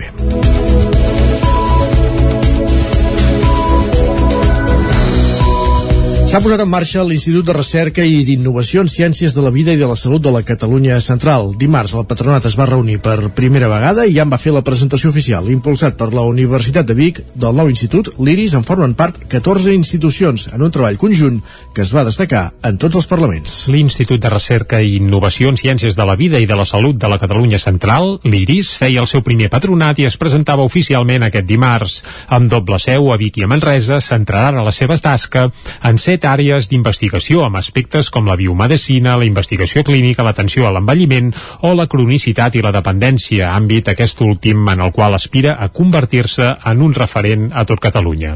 L'IRIS és l'onzè institut de recerca d'aquest tipus que hi ha al país. El dirigeix José Jerónimo Navas, que destacava que la pràctica totalitat dels investigadors de les comarques centrals, 350, ja han demanat adherir-s'hi. Escoltem a José Jerónimo Navas. Sobre estas bases hay que ser ambiciosos, proyectarnos hacia el futuro y avanzar eh, en las direcciones que marquen tanto el patronato, directrices top-down, pero es muy importante escuchar a los investigadores y a la sociedad. Recoger bottom-up qué necesidades tienen los investigadores, qué necesidades tiene la sociedad, cómo mejoramos la calidad de vida y el bienestar de la sociedad. La presentació del nou institut va reunir representants de les diferents institucions que en formen part. En són 14, amb la Universitat de Vic com a impulsora. S'hi han afegit, entre d'altres, l'Institut Català de la Salut, els hospitals de referència de Manresa, Vic, Campdevànol i Olot, però també centres sociosanitaris com l'Hospital de la Santa Creu, el Cap del Remei o Osonament. En els parlaments es destacava el nombre d'institucions que conformen l'Institut i també el seu paper territorial. Escoltem en aquest sentit i per aquest ordre a Josep Alavi Rector de la Universitat de Vic, Anna R, alcaldessa de Vic i Marc Eloi, alcalde de Manresa. 14 institucions que es diuen aviat que s'hagin posat d'acord amb un projecte i amb un període de temps curt especialment té mèrit en un país com aquest que tenim un costum de discutir les coses fins al fons, diguem-ho així. Torna a demostrar doncs, aquesta força del territori a que el que no volem ser és invisibles i el que volem és tenir un paper en el món universitari, en el món del coneixement i en el món de la recerca. Per crear una eina potentíssima de reequilibri territorial i penso que això és el més destacable. Per què necessitem aquesta eina? Ho deia l'alcaldessa, necessitem aquesta eina perquè és molt fàcil quedar-te a l'àrea metropolitana, és molt fàcil que aquest gran xuclador retingui, es quedi el talent a l'IRIS de moment hi treballen 6 persones i compta amb un pressupost inicial d'1,8 milions d'euros.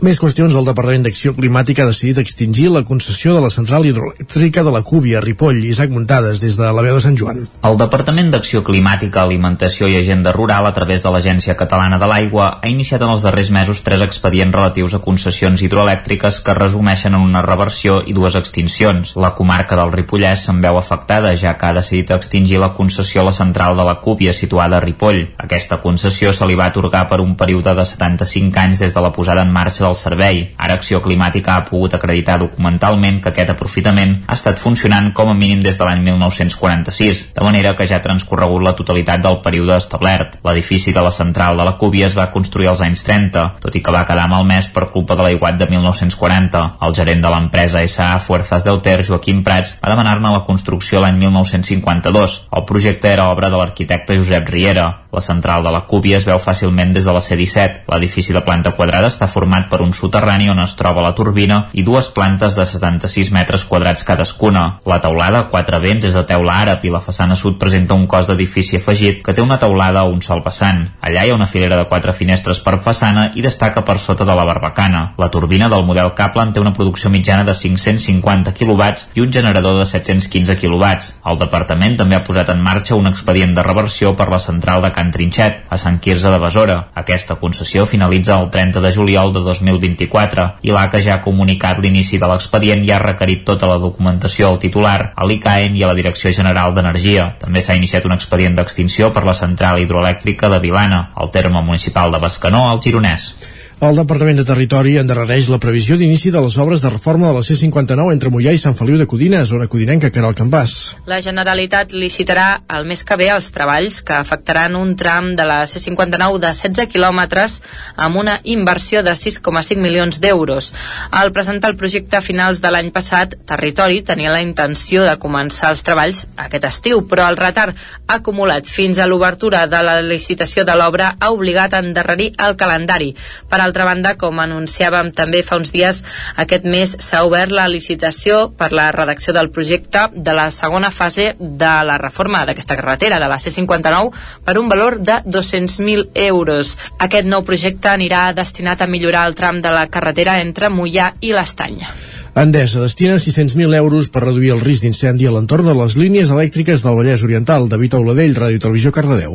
Endesa destina 600.000 euros al Vallès Oriental en accions de prevenció d'incendis forestals amb la protecció i manteniment de la xarxa elèctrica en els espais forestals per on discorre el cablejat. Al conjunt de Catalunya la inversió puja 17,5 milions d'euros, segons va presentar la companyia aquest dimarts en un acte a Sant Celoni. La companyia va incorporar una desbrossadora teledirigida que permet mantenir els espais situats per sota dels cables i que se suma a l'ús de drons i helicòpters per fer un seguiment acurat de l'estat de la xarxa. Els aparells incorporen càmeres tèrmiques i un sistema amb GPS i làser que, a banda de detectar possibles punts calents de la infraestructura, permet tenir una imatge en tres dimensions de l'evolució del bosc per preveure futures actuacions a la massa forestal, com ara la tala d'elements o l'esporga selectiva en determinats espais per evitar el contacte amb la xarxa. A més a més, cada tres estius es fa un escaneig làser de totes les línies aèries amb tecnologia GPS a través del sistema LIDAR que permet mesurar les distàncies entre els cables i la vegetació i fer un seguiment del creixement de la massa forestal per preveure les accions com ara la tala. L'empresa biguetana Recanvis Montseny, una de les deganes del sector a Osona, celebra aquest mes de juny els seus 50 anys. Tot va començar quan Josep Escolà Galceran, un manresà que treballava en el sector dels recanvis d'automòbils al Bages, va decidir obrir un negoci en aquest mateix sector i després de valorar si era millor anar a Lleida o a Vic es van decidir per la capital d'Osona perquè estava menys explotat. Va ser així com la família Escolà Bonveí va fer camí cap a Osona per instal·lar-s'hi a principis de la dècada dels 70 del segle passat. El juny de 1972 obrien una primera botiga al carrer Manlleu de Vic i des d'aleshores l'empresa familiar Recanvis Montseny no ha deixat de ser un referent pels tallers mecànics de tota la comarca. Inicialment venien recanvis per la part elèctrica dels cotxes, però de mica en mica el negoci es va anar ampliant, tant que el 1979 la falta d'espai va obligar Escolar a traslladar-se a un nou espai a la Ronda Camprodon, amb més de 300 metres quadrats i amb aparcament per als clients. Escolar té tres fills i quan arribaven als 18 anys eren reclutats cap a l'empresa familiar. Avui són els qui estan al capdavant del negoci. Xevi Escolar és el gerent i responsable de vendes, Lídia Escolar és la responsable de les finances i David Escolar és, està al capdavant de l'àrea tècnica. Els seus clients són els tallers multimarca que hi ha arreu de la comarca. En tenen 200 de donats d'alta, però el 70% de la facturació la fan 30 tallers d'Osona. Des de 1998 tenen un magatzem de 450 metres quadrats del carrer Ripoll, al polígon Mas Bauló de Vic, on hi tenen prop de 9.000 referències en estoc. Un cop ja al carrer Ripoll i oficialitzat el canvi generacional, l'empresa va fer una ampliació de capital social incorporant la societat Recambios Autodiesel a través d'una joint venture. Recanvis Montseny factura 1,7 milions d'euros anuals i compta ara mateix amb una plantilla de 10 treballadors. Els Escolar Bonveí no tenen clar que una tercera generació pugui continuar el negoci, ja que si tots els cotxes són elèctrics, expliquen que s'acabaran les generacions, ja que un cotxe elèctric es veu que només té 20 peces. De moment, però, amb bona salut, aquest juny celebren mig segle de vida. I doncs els felicitem. Més qüestions, com dèiem abans, de divendres a diumenge, 14 espais de la ciutat de Vic acolliran més de 200 concerts en el marc de la sisena edició del So de les Cases. Es tracta de concerts íntims de 20 minuts a través dels quals els assistents podran descobrir nous indrets patrimonials de la capital usonenca que habitualment no estan oberts al públic. Alba Morena, Ferran Oriols o Ferran Albric són alguns dels noms que passaran per una edició que es desplegarà amb total normalitat i també hi hauríem d'afegir les Isabeles que hem escoltat abans aquí a Territori 17. Eh? La Torre de la Casa Costa, amb vistes a la plaça Major de Vic, és un dels nous espais patrimonials que aquest any se sumen a la sisena edició del So de les Cases. La iniciativa, que es desplegarà de divendres a diumenge, torna a la capital d'Osona amb més de 200 concerts gratuïts en 14 espais de la ciutat. D'aquests se n'estrenen 7. Són la Torre de la Casa Costa, a la plaça Major, l'Església de Santa Caterina, la Sala Mecenes de la Casa Convalescència, el pati de l'Albergaria, on actuaran precisament les Isabeles, l'Església de la Rodona, la Sala Modernista del Casino de Vic i també la capella de la Guia, al final del barri de la Calla. Se sumen espais ja emblemàtics de la proposta, com el jardí de la Casa Ricard, l'exterior de l'Hotel Les Clarisses o la terrassa de la Casa Vilarrúbia. I és que l'objectiu del So de les Cases és, precisament, redescobrir nous indrets patrimonials de la ciutat de Vic que habitualment no estan oberts al públic. Ho detalla Fabiana Palmero, que és regidora d'Urbanisme de l'Ajuntament Biguetà. En aquest sentit, eh, aquestes cases que, que ens obren les portes hi ha com un gran ventall des de eh, espais gòtics fins a espais modernistes no? com, com, com el torre d'aquesta casa i també podem aprofitar per veure eh, com de bé es poden rehabilitar aquests espais, no? és a dir, com eh, amb una base d'un espai significatiu, perquè històricament era un lloc important eh, per, per l'època que pertany i per la qualitat arquitectònica del moment, es poden rehabilitar aquests espais um, vull dir, donant, donant-hi valor a això que hi havia, no? I no, i no girant-hi l'esquena. Tot i que l'edició es farà amb total normalitat, sí que es continuarà oferint la possibilitat de reservar entrades, com l'any passat en el marc encara de la pandèmia, un format que l'Ajuntament Biguetà va habilitar durant la pandèmia i que ara es manté. Bet Piella és la regidora de Cultura de l'Ajuntament de Vic. Recordeu que són entrades gratuïtes, localitats gratuïtes i el a partir del dia 1 es poden començar a reservar a les 6 de la tarda, s'obre la veda, diguem, per què? Doncs perquè la venda és, eh, la reserva més que venda és per internet, el 50% de l'aforament l'oferim eh, per reservar-lo a través de la xarxa i el 50% restant es ven in situ, no es ven, s'ofereix in situ en els espais i així, d'aquesta manera, combinem la gent que fa la reserva i la gent que ve allà in situ pel que fa a noms propis, el so de les cases hi seran, entre d'altres, Ferran Oriols de Nyandú, Alba Morena, Les Caramba, eh, Napos o el duet clàssic format per Ferran Albric i Marc Serra.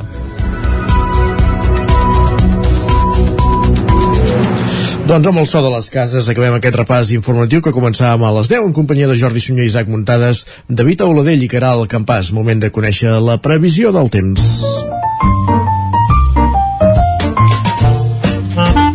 Casa Terradellos us ofereix el temps. Una previsió que evidentment ens porta com sempre en Pep Acosta. A primera hora al matí ja l'hem saludat i ara hi tornarem. Pep, bon dia. Hola, molt bon dia. Molt bona hora. Continua mm el mateix panorama. Tenim aquesta mini bombolla, diria, d'aire africà sí. mm -hmm. que, que ens està afectant. Les temperatures mínimes han, pujo, han pujat, perdó, eh, moltes mínimes, entre els 15 i els 20 graus, temperatures força altes, les mínimes, i també eh, només, només eh, per sota d'aquests 15 graus a les zones més fredes, del Moianès, d'Osona i, òbviament, cap a la zona del Pirineu. La nuvolositat és una mica eh, més important que ahir. Eh, hi ha més núvols prims, eh, més mala visibilitat.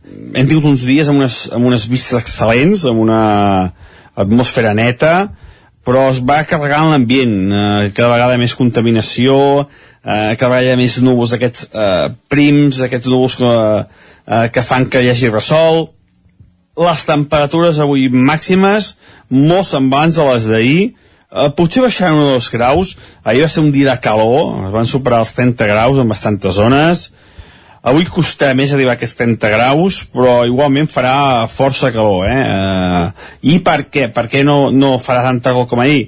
Doncs perquè hi haurà més núvols. Eh, de cada tarda, aquests núvols prims, eh, tota aquesta mal vis visibilitat es farà, es, serà més pronunciada i eh, tindrem més, més, més núvols. Això farà que la temperatura no pugi tant com ahir. Els vents febles de sud, eh, aquesta bombolla d'aire eh, africà que ens està afectant, i eh, només hi pot haver alguna nuvolada destacada cap a la zona del Pirineu, però que en principi no deixaran precipitacions. Ahir vam tenir una tempesta cap a l'oest de Catalunya, no va afectar les nostres comarques, i avui és possible que es la mateixa situació. Eh, tenim una pertorbació cap a, cap a l'oest de la península ibèrica, que és la que aporta les tempestes eh, cap a aquesta zona, eh, cap a l'oest de la península, de, de la península si tempestes, aquí arriben més les escorrialles, i ahir ens van afectar, però, però a les comarques no van arribar aquestes tempestes. I avui segurament tampoc arribaran, eh? que això una nuvolada, però no, no hi haurà tempesta. I això és tot, a disfrutar el dia d'avui, eh, va guanyant cos aquest mes de juny, ens anem acostant al cap de setmana, els dies més càlids de l'any també es van acostant, eh, un panorama ja gairebé 100% estiuenc. Moltes gràcies, adeu. Vinga, moltes gràcies a tu, Pep. El panorama 100% estiuenc, pràcticament, eh? Doncs amb temperatures altes cap a l'entrevista que anem. Vinga, anem-hi. Casa Tarradellas us ha ofert aquest espai. Ara mateix passa un minut d'un quart d'onze.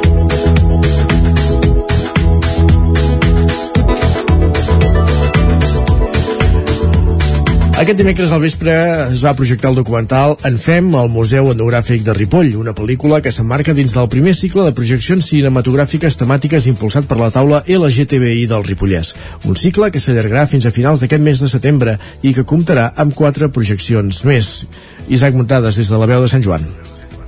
Bon dia, Isaac. Doncs sí, i avui tenim al telèfon a la consellera comarcal de Serveis a les Persones, la Dolors Costa, i també a l'Eduard Marco, que és el tècnic del Servei d'Atenció Integral LGTBI del Consorci de Benestar Social del Ripollès, que ens donaran doncs, tots els detalls d'aquest cicle i d'altres accions que també ha impulsat el Consell Comarcal del Ripollès en els últims temps. Bon dia a tots dos i moltes gràcies per atendre'ns. Bon dia. Bon dia. Abans d'entrar pròpiament en matèria i de parlar d'aquest cicle cinematogràfic, eh, qui forma part de la taula LGTBI del Ripollès? Perquè quan es va crear i per què es va veure la necessitat de crear-la? Uh, contesto jo mateix? Vale.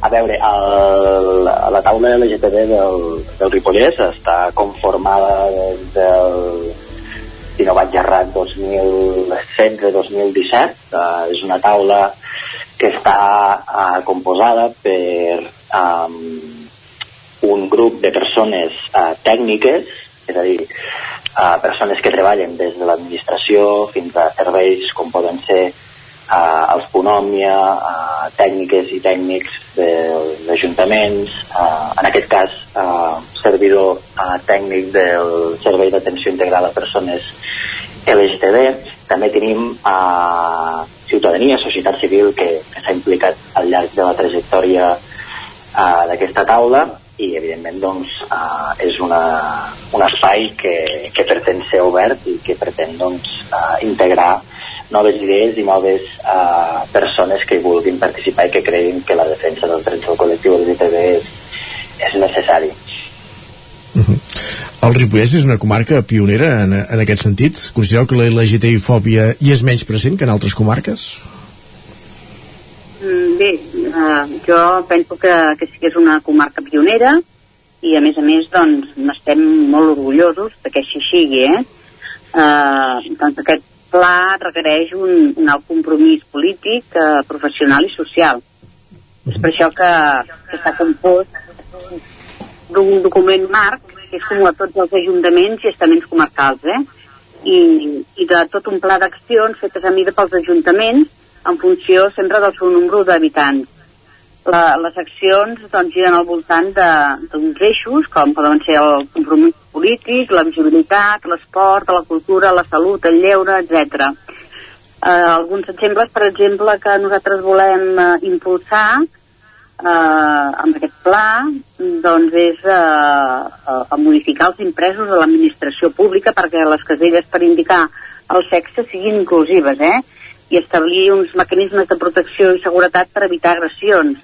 Eh, també donar a conèixer les necessitats del col·lectiu als professionals de la salut, que tema que també és molt important, i l'educació o actuacions de sensibilització en la cultura, el lleure, l'esport, etc. Eh?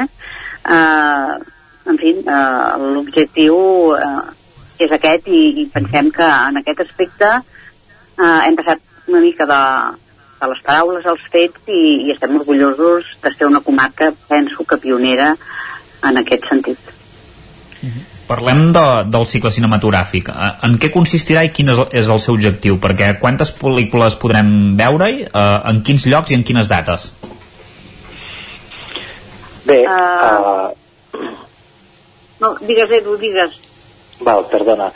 Sí, simplement eh, volia afegir eh, una, una qüestió que m'ha semblat molt interessant en, en la línia de la, de la Dolors, no? I, i on s'enmarquen totes aquestes propostes que, que ella mateixa exposava, i és que crec que és important posar en relleu el fet de que a partir de l'any 2021 es van aprovar els, els plans locals eh, d'acció LGTB als diferents municipis de, de la comarca, que com ella també eh, ha posat sobre la taula, van molt lligats també a les a diferents poblacions que podem trobar aquí a la comarca i que, doncs, eh, diguem, toquen a diverses àrees de cada municipi, com poden ser cultura, com ja s'ha dit, eh, esports, espai públic, eh, participació, i penso que és una, al, al cap i a la fi, eh, una passa endavant no? en, en, el, en el reforç a la política pública eh, relacionada amb la reivindicació dels drets i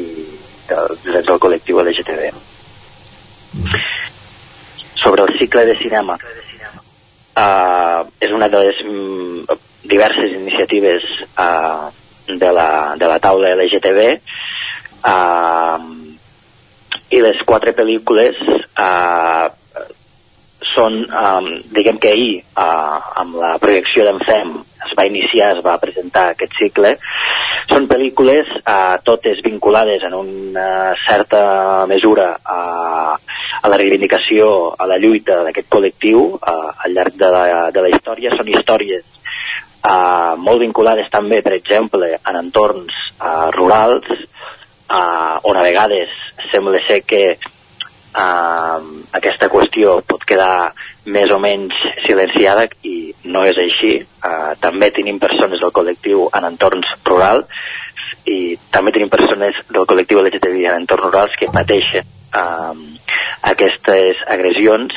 i per tant doncs, també és una mica l'objectiu d'aquest cicle. No? Llavors doncs, nosaltres començàvem plantejant uh, En Tierra de Dios uh, a Sant Joan de les Abadeses, una pel·lícula que exposa una mica els, uh, la, diguem, la història de dues persones homosexuals en un entorn uh, molt rural i tots els prejudicis i estereotips amb els que s'han d'enfrontar aquestes persones. Això serà el passeig com té fer uh, a, a les 9 del vespre, uh, a l'aire lliure. Després tenim uh, una altra pel·lícula que és interessant en el sentit del vincle entre uh, l'homosexualitat uh, i les persones uh, grans.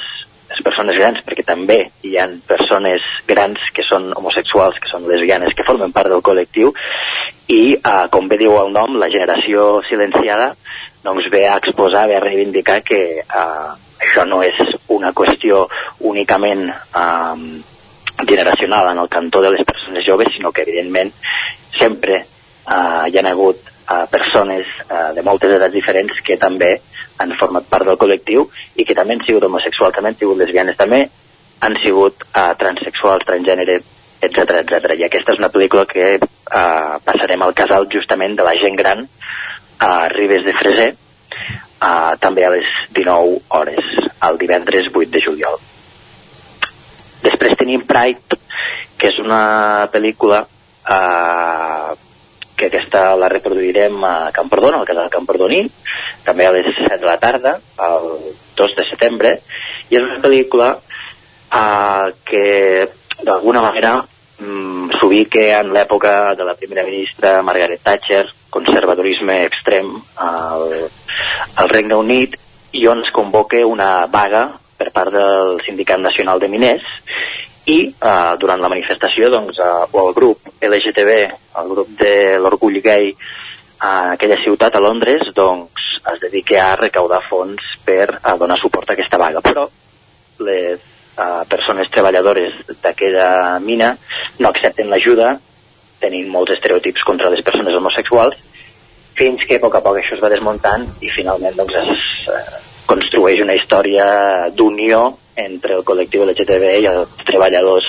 uh, miners. Mm -hmm. I finalment doncs, acabem el, el cicle a Camp de Bano, al Casal Cívic, uh, amb una pel·lícula també uh, molt interessant que es diu uh, En 80 dies, és una, és una pel·lícula basca uh, i també va molt vinculada a, a, a l'existència, evidentment, de, de persones LGTB dins el, el grup de persones de, del que podríem anomenar la tercera edat, no? Una, en aquest cas una parella lesbiana eh, de 70 anys eh, que es retroba i eh, comença una, una nova història d'amor en aquest sentit hem fet aquest ampli repàs d'aquesta promoció de, de cinema impulsat per la taula LGTBI de, del Ripollès que començava ahir amb la projecció d'en FEM una projecció que va comptar també amb la presència de la seva directora i una de les protagonistes d'aquest documental va ser a Ripoll i com dèiem ja hi haurà projeccions durant aquests propers mesos fins al mes de setembre. N'hem parlat amb, amb Dolors Costa i Eduard Marco gràcies per ser avui tots dos al territori 17 i que vagi molt bé aquesta iniciativa. Gràcies moltes gràcies. Bon dia. Gràcies també a Isaac Montades, que ens ha acompanyat en aquesta entrevista. Quatre mans, el territori 17 avança, fem tot seguit una pausa i no marxis gaire lluny, Isaac, perquè parlem de seguida de la taula de redacció. Fins ara. Fins ara.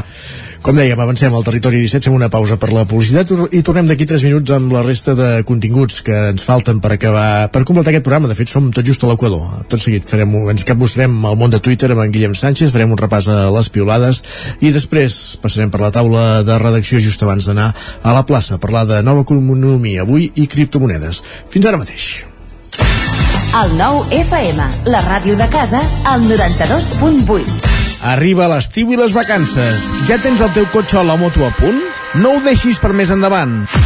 CatClean, centre de rentat per a l'automòbil. Treballem per concessionaris oficials o per públic en general. Eix 11 de setembre 35 de Vic. 622 06 88 92 o 640 09 19 44. catclean.cat Cobertes serveis funeraris. Els nostres tanatoris estan ubicats en els nuclis urbans més poblats de la comarca d'Osona per oferir un millor servei. Tanatori de Vic, Tanatori de Manlleu, Tanatori de Centelles i Tanatori de Roda de Ter. Sabem que són moments difícils i per això el nostre compromís és atendre-us en tot moment amb un tracte humà, sensible i respectuós. Cobertes serveis funeraris. Telèfon 24 hores 93 883 23 46.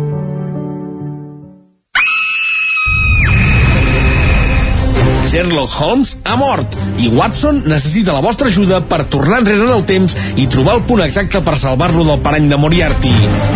Posa't en la pell del detectiu britànic i resol tots els enigmes en menys de 60 minuts per poder escapar. Elementary Escape Room de Vic, una aventura per a tota la família. Fes la teva reserva per WhatsApp amb el codi La Ràdio de Sherlock i aconseguiràs un 10% de descompte. Ens trobaràs de dijous a diumenge al carrer de la Fusina 22 de Vic per telèfon i WhatsApp al 622 85 54 17 o elementary.cat. A Bailen sabem que quan té una avaria a la seva caldera vol una solució ràpida. Truqui al servei tècnic oficial Bailen i els nostres tècnics vindran ràpidament a solucionar-li el problema. A més, si canvieu ara la caldera, us regalem fins a 300 euros. Truqueu al 910 77 88 77 o entreu a bailen.es.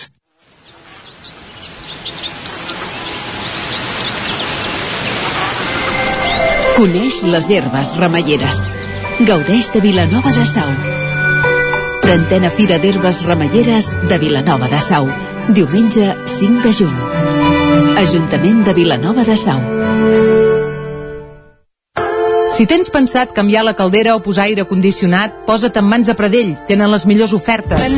Pradell instal·la calderes de biomassa, calderes de condensació, aire condicionat tant per a particulars com per a empreses. Apunta, Pradell, Avinguda Països Catalans, número 27 de Vic. Telèfon 93 885 11 97. Repetim, 93 885 11 97. Anuncia't al 9FM. La màquina de casa. 9 3 8 8 9 4 9 4 9 Publicitat arroba al 9FM.cat. Anuncia't al 9FM. La publicitat més eficaç. Dos quarts d'onze, l'hora Sánchez al territori 17.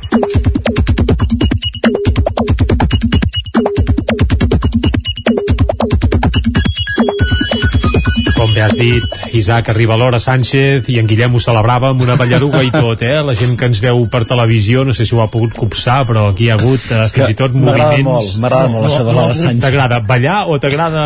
Bé, l'hora Sánchez, sí. això de- Hauries aquesta- de tornar-hi, Sánchez, perquè no, eh, no, Ah, ha no pogut punxar. punxat. No, perquè el realitzador pu- tenia punxada Doncs demà, demà, cama. demà que mirin i escoltin les piulades i repetirem. Va, doncs vinga, fem-ho. Home, per ràdio també la ballaruga és difícil de copsar, eh? però per això la traslladem i la verbalitzem perquè la gent se'n faci una idea. Guillem, va, uh, anem a furgar en el món de Twitter i per on ho arrenquem avui? Ho Per arrenquem- ballarugues o no? Ho arrenquem per animals. Animals. Perquè sembla que la Blanca és d'aquelles persones a qui, quan arriba aquesta època de l'any, doncs, Mhm. pateix les conseqüències d'alguns animals. Diu, Bàsicament mosquits i Diu- mosques, sí, anem per aquí o no? a 101 metre 73 de dona, els mosquits van de picar sempre a la cara. Bé, Ah, busquen els llocs més dolços. els mosquits no són rucs. També hi ha aquells repel·lents antimosquits, Sí. tot i que m'imagino que la cara no és el millor lloc No, per, eh, no, per no. posar-se'ls. Posar-se'ls, però vaja. Va, i parlant de picar, ja ens ha fet venir bé, no sé si esteu al cas de la vida conjugal d'en Gerard Piqué, que es veu que aquestes últimes No. hores ha... Es veu que surt molt amb Enriqui Puig, que, que, que torna a viure al carrer Montaner, tu. Sí, es veu que ha tornat al seu pis de, de solter, Jordi, perquè mm. potser l'han enganxat amb algú amb qui no l'haurien d'haver enganxat, o la dona l'ha l'ha pillat infraganti d'alguna cosa, o... La Shakira estem parlant, Sí, eh? correcte. Rumore, rumore. Rumore. La Carla ens confessa, diu... Si la el, el que sí que està clar és que està, en teoria està lesionat, no? Ja no va jugar amb la No. selecció ni l'últim partit A del mi el que Barça, m'agrada està més és tocat, que eh? personatges insignes com Emilio Pérez de Rozas aprofiten l'ocasió per despotricar de la porta i de, de, de, no estàs parlant de Shakira i Piqué, i aquí És aquí que la porta. aquí ja se sap que el món del futbol, i més ara que s'ha aturat la Lliga i que no hi ha competicions, tu que hem de s'ha de fer bullir sí. l'olla d'alguna manera. Doncs en aquest sentit la Carla ens diu si la Shakira i en Piqué separen deixo de creure en l'amor definitivament diu eren la superparella de l'infantesa literalment Home, deixa'm dir que tampoc s'havien casat mai, em sembla, formalment, eh? És a dir, tenien criatures i tot, però estaven junts, convisquent i vivint sota el mateix sostre, diguem, però no havien passat per l'altar. Això els passa per no haver-se comprat la casa que miraven Orís en seu- Correcte, en el correcte. moment. La Marina ens diu que el Piqué li ha posat les banyes a la Shakira, jo no puc més, en sèrio, ja no crec en l'amor, i per en Marc diu també és un cop dur. Diu, consternat amb la separació Piqué-Shakira, m'ho acaba de dir la meva dona. Després de Pujol Ferrusola no hi havia més parella, no hi havia parella més carismàtica i indestructible. Recordem que es diu Ripoll de segon cognom, la. Shakira, eh? Per tant, és gairebé del territori 17. Uh, I escolta'm, aquests casos de, que voregen la premsa rosa, jo crec que no es pot posar la mà al foc per res, Vore- ni voregen- descartar voregen no, res, eh? de ple. Bé, de ple, de ple, ja, directament, però vull dir que potser d'aquí un parell de dies tornen a ser diferent. i tan amples tot plegat, eh? Per això en aquest sentit la reflexió que ens fa l'Anna que ens diu us preocupeu per la vida privada d'en Piqué quan hi ha coses molt més interessants i importants per la humanitat com la vida privada de l'Urdangarín com la indústria de la, de la xocolata li deu agradar menjar xocolata doncs a Ah, bé. Cadascú té les seves prioritats. Jo també prefereixo la xocolata que no pas furgar amb la Sens vida dubte. privada d'en Piqué, però vaja. I vinga, va, doncs canviem de tema per fixar-nos en altres problemes de la vida. Per mi la confessió d'en Jordi també és molt habitual. Ens diu, 25 anys amb internet i continuo confonent login i sign up. Allò de registrar-te o sigui, són dues coses diferents. Mm. Quan entres en una pàgina web que et pots registrar de zero o si ja estàs registrat pots entrar, diguéssim, a la, Sí, a la pàgina. sí, sí. Hi ha gent que encara confonem aquests dos termes quan Bé. hem d'entrar en, un, en un correu, en una, en una aplicació amb el que... El millor sempre és tenir la traducció al català, que per això hi és Clar, en molts casos. Sí, però hi ha algunes traduccions que també són bastant...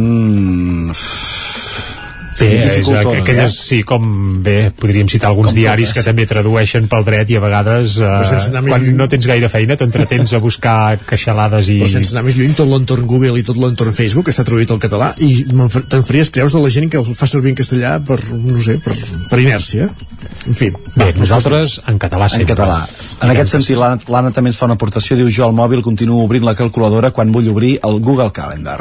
Doncs bé, això, mira... Bé, però això fàcil no de- passa res, de, de escolta, solucionar. i tant. És un error sense importància, no com el que ha comès en Ramon, que ens diu ha Ramon, he comès molts errors greus a la vida, però cap com dir-li a un lampista tranquil, que avui estaré tot el dia a casa. Perquè vindrà l'hora que voldrà. Però, sí. Ah, no passarà, no passarà, diria jo. Aquesta. Bé, paciència, molta paciència Jo en diria aquests que- casos. I si li dius una hora també arribarà tard, vull dir que no pateix. Bueno, I si ells et diuen una hora i tu aquella hora hi ets, però al cap de 5 minuts has de marxar i se't presenten, llavors encara el problema és teu. Sí, sí, El problema és teu. Bé, o deixa el sol a casa. Ara, poder et fa saltar la instal·lació. Jo- jo ho he fet, És sí, que ho he fet, sí, sí. Bé, sí, el, el tema és agafar un lampista de confiança Ara, ara. que, Que d'aquells d'abans encara en queden, bé, d'abans i d'ara, i després, escolta, si cal li passes les claus i que passi quan vulgui. Va, i per acabar, una aquesta- reflexió de la, de la Carla que ens diu jo hauria d'estar al concert dels Rolling Stones amb el meu pare a Madrid i estic aquí estudiant nou temes d'història del dret en un sol dia. Ai, n'hem parlat una mica quan repassàvem portades al concert dels Rollings a Madrid. Uh, És més important estudiar o anar al concert dels Rollings? Home, 50.000 vegades un concert dels Rollings. Aprens, dia. clar, aprens molt més amb un concert dels Rollings. Aprens directament 50 anys gairebé de, de la història de, de la música. de la música contemporània mundial. Doncs ja està, just, justificat. I a part, eh, clar, pot ser que sigui un dels darrers... Bé, és que no, en el cas dels Rollings no es pot dir mai, eh? Però Perquè no crec que facin gaires més concerts eh, en el que seria l'àrea geogràfica península ibèrica, perquè, Poc, clar, per pocs qüestions punts ens d'edat- imaginàvem que a prop dels 80 anys encara estiguessin donant corda i batalla. Sí, i... no, no, i a més amb relativa dignitat, això també cal dir-ho. El que passa que, clar, en un concert d'aquests també ja cal dir que hi ha moltes trampes i cartrons i molts músics que no són els que veiem allà, que també saben tocar i molt bé, eh? Però, escolta, jo, si em posen un concert de Rollings demà a Barcelona, cap allà Fitxem, aniríem, eh? fitxem. Tu també, no? O Fitxaríem, no? i tant, sí? i tant, I l'Isaac, eh, crec tant. que també, eh? Sí, Sí, sí. sí. És que, clar, és que ja veig en Kate Richards... Eh, Com es pot deixar passar això? Com es pot deixar passar? És que, bé, és que això sí que és història viva de, del rock i de la música contemporània mundial. Va, amb Repassem eh, aquí ens quedem, Que molt bé, fins demà demà. més, eh? Va, i farem la ballaruga aquella, eh, demà. Va, anem cap a les portades del 99.cat i arrenquem pel Vallès Oriental, que obre explicant que Abolafio, que ve a ser la constructora, segurament una de les constructores més importants que hi ha al Vallès Oriental, entra en concurs de creditors. Aquesta és la darrera hora que apareix ara mateix al 99.cat del Vallès Oriental, on també hi apareix que Granollers aprova un conveni per construir 57 pisos protegits de lloguer i que Sant Pere engega la reforma de la zona esportiva de Can Vila. Anem Sant ara Pere cap a de l'edició... Vilamajor, eh? Correcte, Sant Pere de Vilamajor. Anem cap a l'edició d'Osona i el Ripollès del 99.cat, on ara mateix la notícia principal no s'acaba de carregar, però esperarem una mica i segurament ja apareixerà. És allò de la velocitat, el bo fa de bon esperar. Tona posarà al terra de parquet el segon pavelló. Aquest és el titular principal, la darrera novetat, però també hi apareix que el Mercat de Música Viva de Vic donarà projecció internacional a la indústria musical andorrana. Un parell de grups d'Andorra tocaran en l'edició d'aquest eh, 2022 i també impulsen tallers amb llana ripollesa a les escoles per aprofitar un producte de qualitat que no té sortida al mercat. Es veu que esquilen els xais, no saben què fer què fer-ne de la llana. Bàsicament perquè s'ha acumulat amb els anys de Covid també. també, i ara doncs això s'han impulsat uns tallers per reaprofitar-la. Doncs va, anem cap a la taula de redacció. anem-hi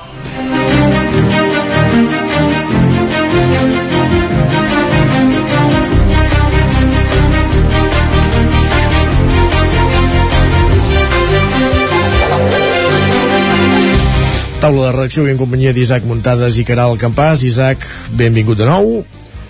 Hola, Isaac. Bon per dia. parlar de, de la situació dels, dels, del cap de Ripoll que fa, on hi fan falta metges com en tants altres centres assistencials de- d'aquest nostre país, oi? Exacte, i probablement a Ripoll encara més. De fet, eh, aquesta setmana hi ha hagut eh, diverses notícies que us hem de- d'explicar, perquè ahir també vam tenir el conseller Josep Maria Argimon que va visitar l'Hospital de Can de i a més a més va aprofitar doncs, per visitar doncs, el centre d'atenció primària de, de Ripoll, que en aquests moments doncs, està passant per uns moments complicats. Ja fa alguna setmana que ja s'havia denunciat aquesta situació de la falta de metges i, i també a última hora és dir-vos que va dimitir doncs, el director de l'àrea bàsica de salut de Ripoll, Sant Joan i Camprodon, Pedro Cabrero, enmig d'aquesta eh, crisi, perquè ell doncs, ja havia denunciat doncs, que hi havia aquesta eh, manca de personal sanitari. Eh, el, clar, el ple de Ripoll que, que es va manifestar una mica tot plegat tota la problemàtica eh, amb una moció presentada pel PSC es va dir que hi havia un 43% o sigui gairebé la meitat dels ripollesos que no tenien un metge assignat perquè en una població, Ripoll ja sabeu que no arriba als 11.000 habitants, estem molt a prop d'arribar-hi, però est, eh, més o menys estem amb uns 10.000 i, i alguna eh, només tenien 5 metges i d'aquests 5 metges eh, només hi havia 3 places que estaven en aquells moments ocupades. Eh, per tant volia dir que, que, que n'hi havia manca. De fet en una població com Ripoll n'hi hauria d'haver 9 i en aquest cas eh, bé, no, no es dona ni molt menys aquesta situació. Per tant hi ha aquesta manca d'efectius eh, importants. Això cal dir també que ja es coneix aquesta situació des de, des de fa un temps, ja sabeu que hi va haver-hi problemes amb l'àrea pediàtrica eh, fa uns mesos en què faltaven pediatres també. I, i l'alcalde Jordi Monell doncs, li, ja li va comentar doncs, en el conseller de Salut Josep Maria Argimon fa, fa uns dies, també es va fer un acord per Junta de Govern per, per traslladar aquesta situació i perquè eh, bàsicament el que, el que s'ha de fer doncs, és reposar immediatament tots aquests metges eh, que falten i sobretot eh, el més important crear incentius perquè eh, aquests metges vulguin venir al Ripollès perquè aquest és un dels principals eh, problemes que existeixen, que molts metges no troben interès pel, pel que sigui, perquè és una comarca rural, perquè queda molt lluny, perquè eh, és difícil l'accés a l'habitatge i llavors no volen venir aquí al Ripollès. Per tant, es va dir una mica això també eh, alguns altres regidors, de, tant d'Esquerra com de la, de la CUP, eh, van coincidir doncs, en què això provenia ja de les retallades arran de la crisi econòmica del 2008 eh, i totes les retallades que hi va haver-hi en el govern aleshores eh, el conseller d'Educació del qual era Boi Ruiz i, i que d'aquí doncs, eh, hi havien hagut privatitzacions i s'havien retallat doncs, eh, llits, serveis i evidentment doncs, eh, facultatius. Però que és un problema que és eh, tot i coincideixen que és endèmic que no és un problema d'ara sinó de fa 10-15 anys i que tampoc se soluciona eh, d'avui per demà, no? perquè calen doncs, una formació dels metges d'entre de, 10 anys, sobretot, no? per formar un metge. Per tant, situació complicada que estem vivint aquests dies doncs, aquí a, a la comarca del Ripollès. Perfecte, doncs Isaac, moltíssimes gràcies. Un dia més per aportar-nos eh, el testimoni a la taula de redacció. I el que fem tot seguit és anar cap a Ona Codinenca, parlem amb la Caral Campàs d'una altra qüestió d'actualitat que de fet Caral ens avançaves fa poca estona al butlletí, que és una eh, una aplicació, eh, un nou servei a través d'una aplicació a Sant Feliu de Codines. Sí, eh, és una aplicació nova que vam presentar aquesta setmana des de l'Ajuntament i juntament amb l'empresa que, que l'ha creat, que és Línia Verde de, de Madrid i vol ser un, un canal directe de comunicació entre els veïns i l'Ajuntament.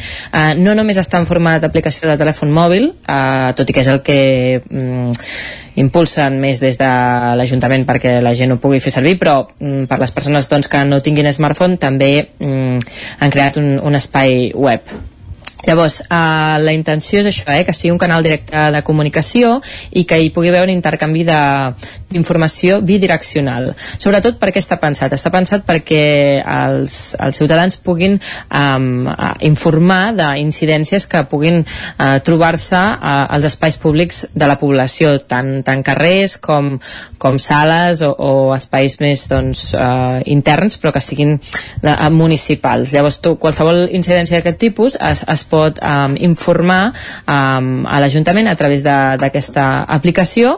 Um, té un sistema de funcionament força um, senzill. Uh, L'aplicació es diu Sant Feliu, un poble viu, i és el mateix eh, nom que té a l'espai web.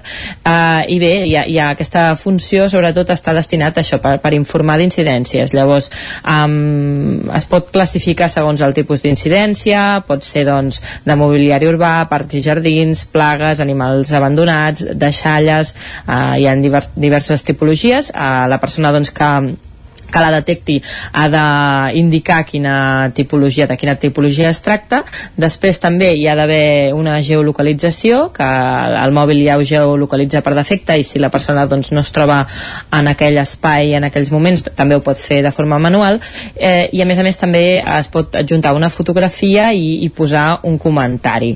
Llavors, instantàniament l'Ajuntament tindrà coneixement d'aquesta notificació, a més a més s'estalvien intermediaris, van explicar perquè s'envia directament a la persona o al tècnic que seria l'encarregat de gestionar aquest avís, cosa que doncs, si es feia per, per telèfon o per, um, o per instància doncs, hi havia uns um, processos i, i, i bé, persones intermediari, intermediàries que feien que, doncs, que aquestes gestions s'allarguessin més en el temps, es dilatessin més um, i bé, i així també l'Ajuntament pot prioritzar um, doncs, les incidències que són importants. A més a més, uh, s'han, bé, es comprometen a respondre o a gestionar les incidències en un màxim de 24 hores i hi ha un altre espai um, un altre espai dins de l'aplicació on el ciutadà té un registre de totes les incidències que ha anat eh, indicant i a més a més hi ha, hi ha un codi i allà pot anar a veure doncs, en quin estat està la seva incidència no? si s'ha si rebut, si s'ha anat a,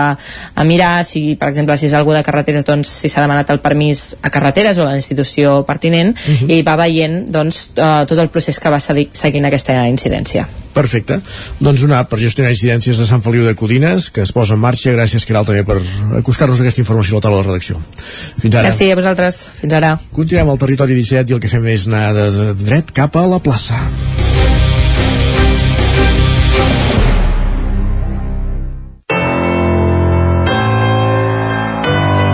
Territori, Territori 17. 17. Territori 17.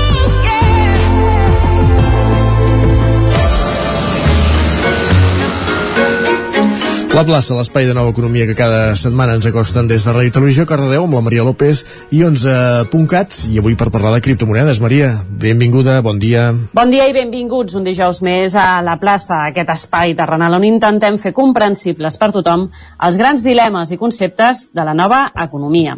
I avui rescatem un tema que ja hem posat algun altre cop sobre la taula d'aquí de la plaça, perquè s'ha estat tornant a parlar de les criptomonedes, degut principalment als canvis en el seu valor. Així que en aquest programa d'avui el que fem és aclarir què són les cripto, entendre què són exactament i per què serveixen des d'un punt de vista totalment tècnic, no tant d'inversió, perquè són paraules majors i més ara mateix. Per això tenim amb nosaltres avui en Raül Ribas, ell és Chief Technology Officer de CTO 11. Bon dia, com estem, Raül? Hola, bon dia. I contem també una setmana més amb la Gemma Vallet. Ella és directora d'11 districte 11. Bon dia, Gemma. Bon dia, Maria. Això, amb, els, amb posar-vos els títols, abans d'entrar ho dèiem, eh, les, les titulacions aquestes de, de 11, eh, entre que m'atravo la meitat de vegades i que està super específic tot, tinc uns drames quan us haig de, de, cada un que tela, eh?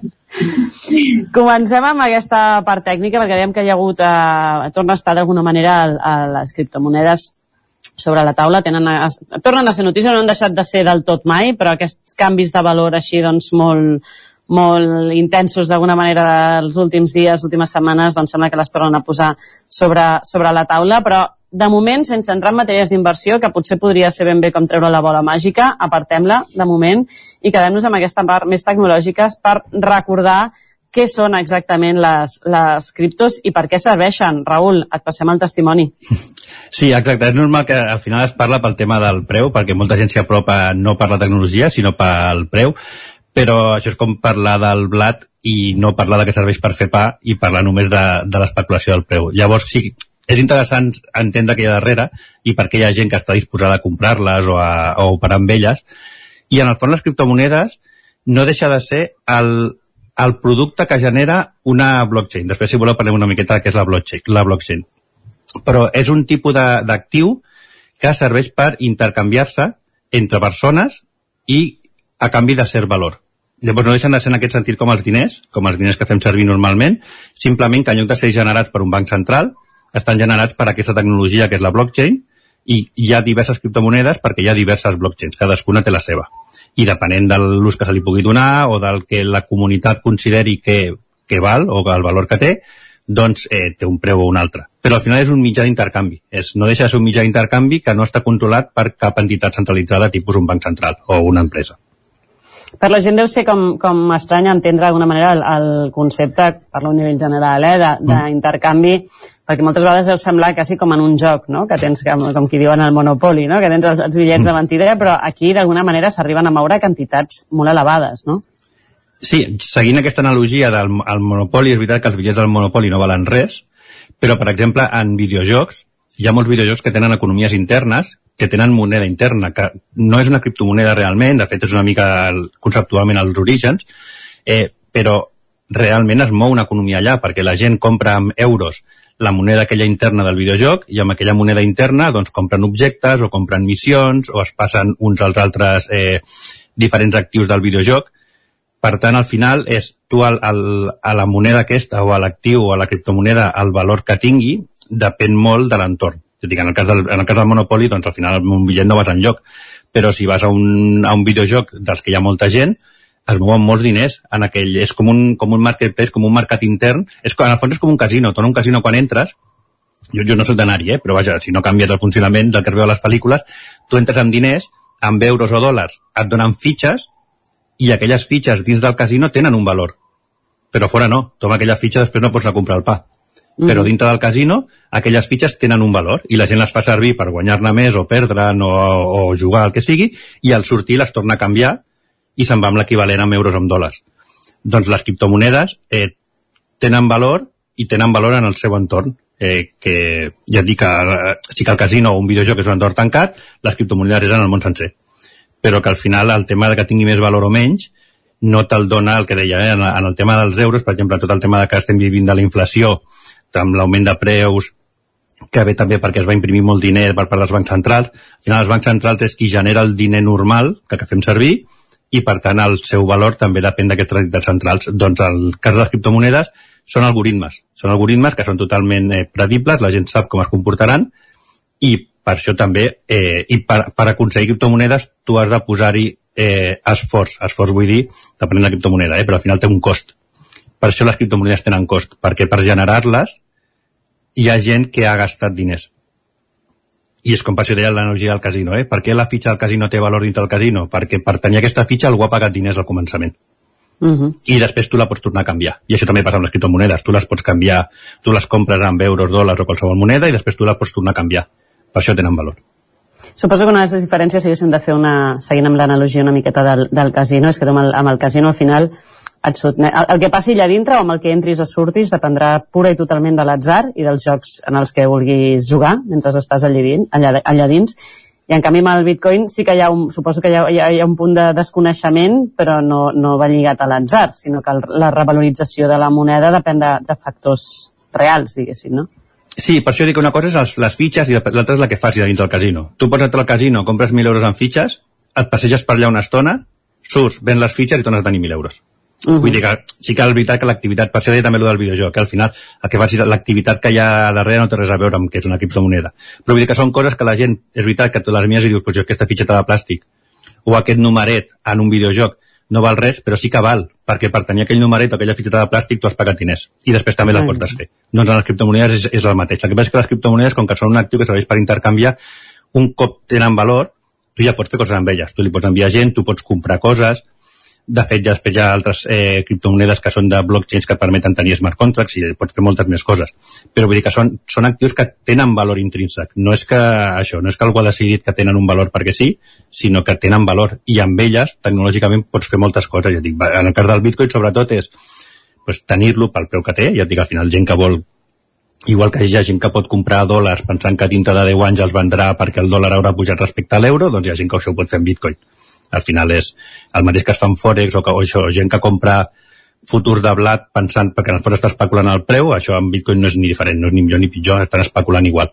Però a banda d'un bitcoin després pots comprar un viatge. Hi ha moltes webs on tu pots anar i pagar amb criptomonedes. Tu pots demanar una targeta de dèbit que cada cop que pagues al comerç de la cantonada t'està descomptant de les teves criptomonedes. Vull dir que al final és un sistema que és un sistema és part del sistema financer. El que passa és que no està regulat per les entitats financeres tradicionals. Encara no podem anar a comprar el pa, però sí que podem comprar moltes altres coses, no? Ah, bueno, el pa, sí, el pa sí, perquè al final ja El pa serveix... també. Sí, perquè et donen una targeta, una, una Visa de dèbit o una Mastercard de dèbit, que tu quan pagues al comerç, doncs tu amb el comerç estàs rebent euros.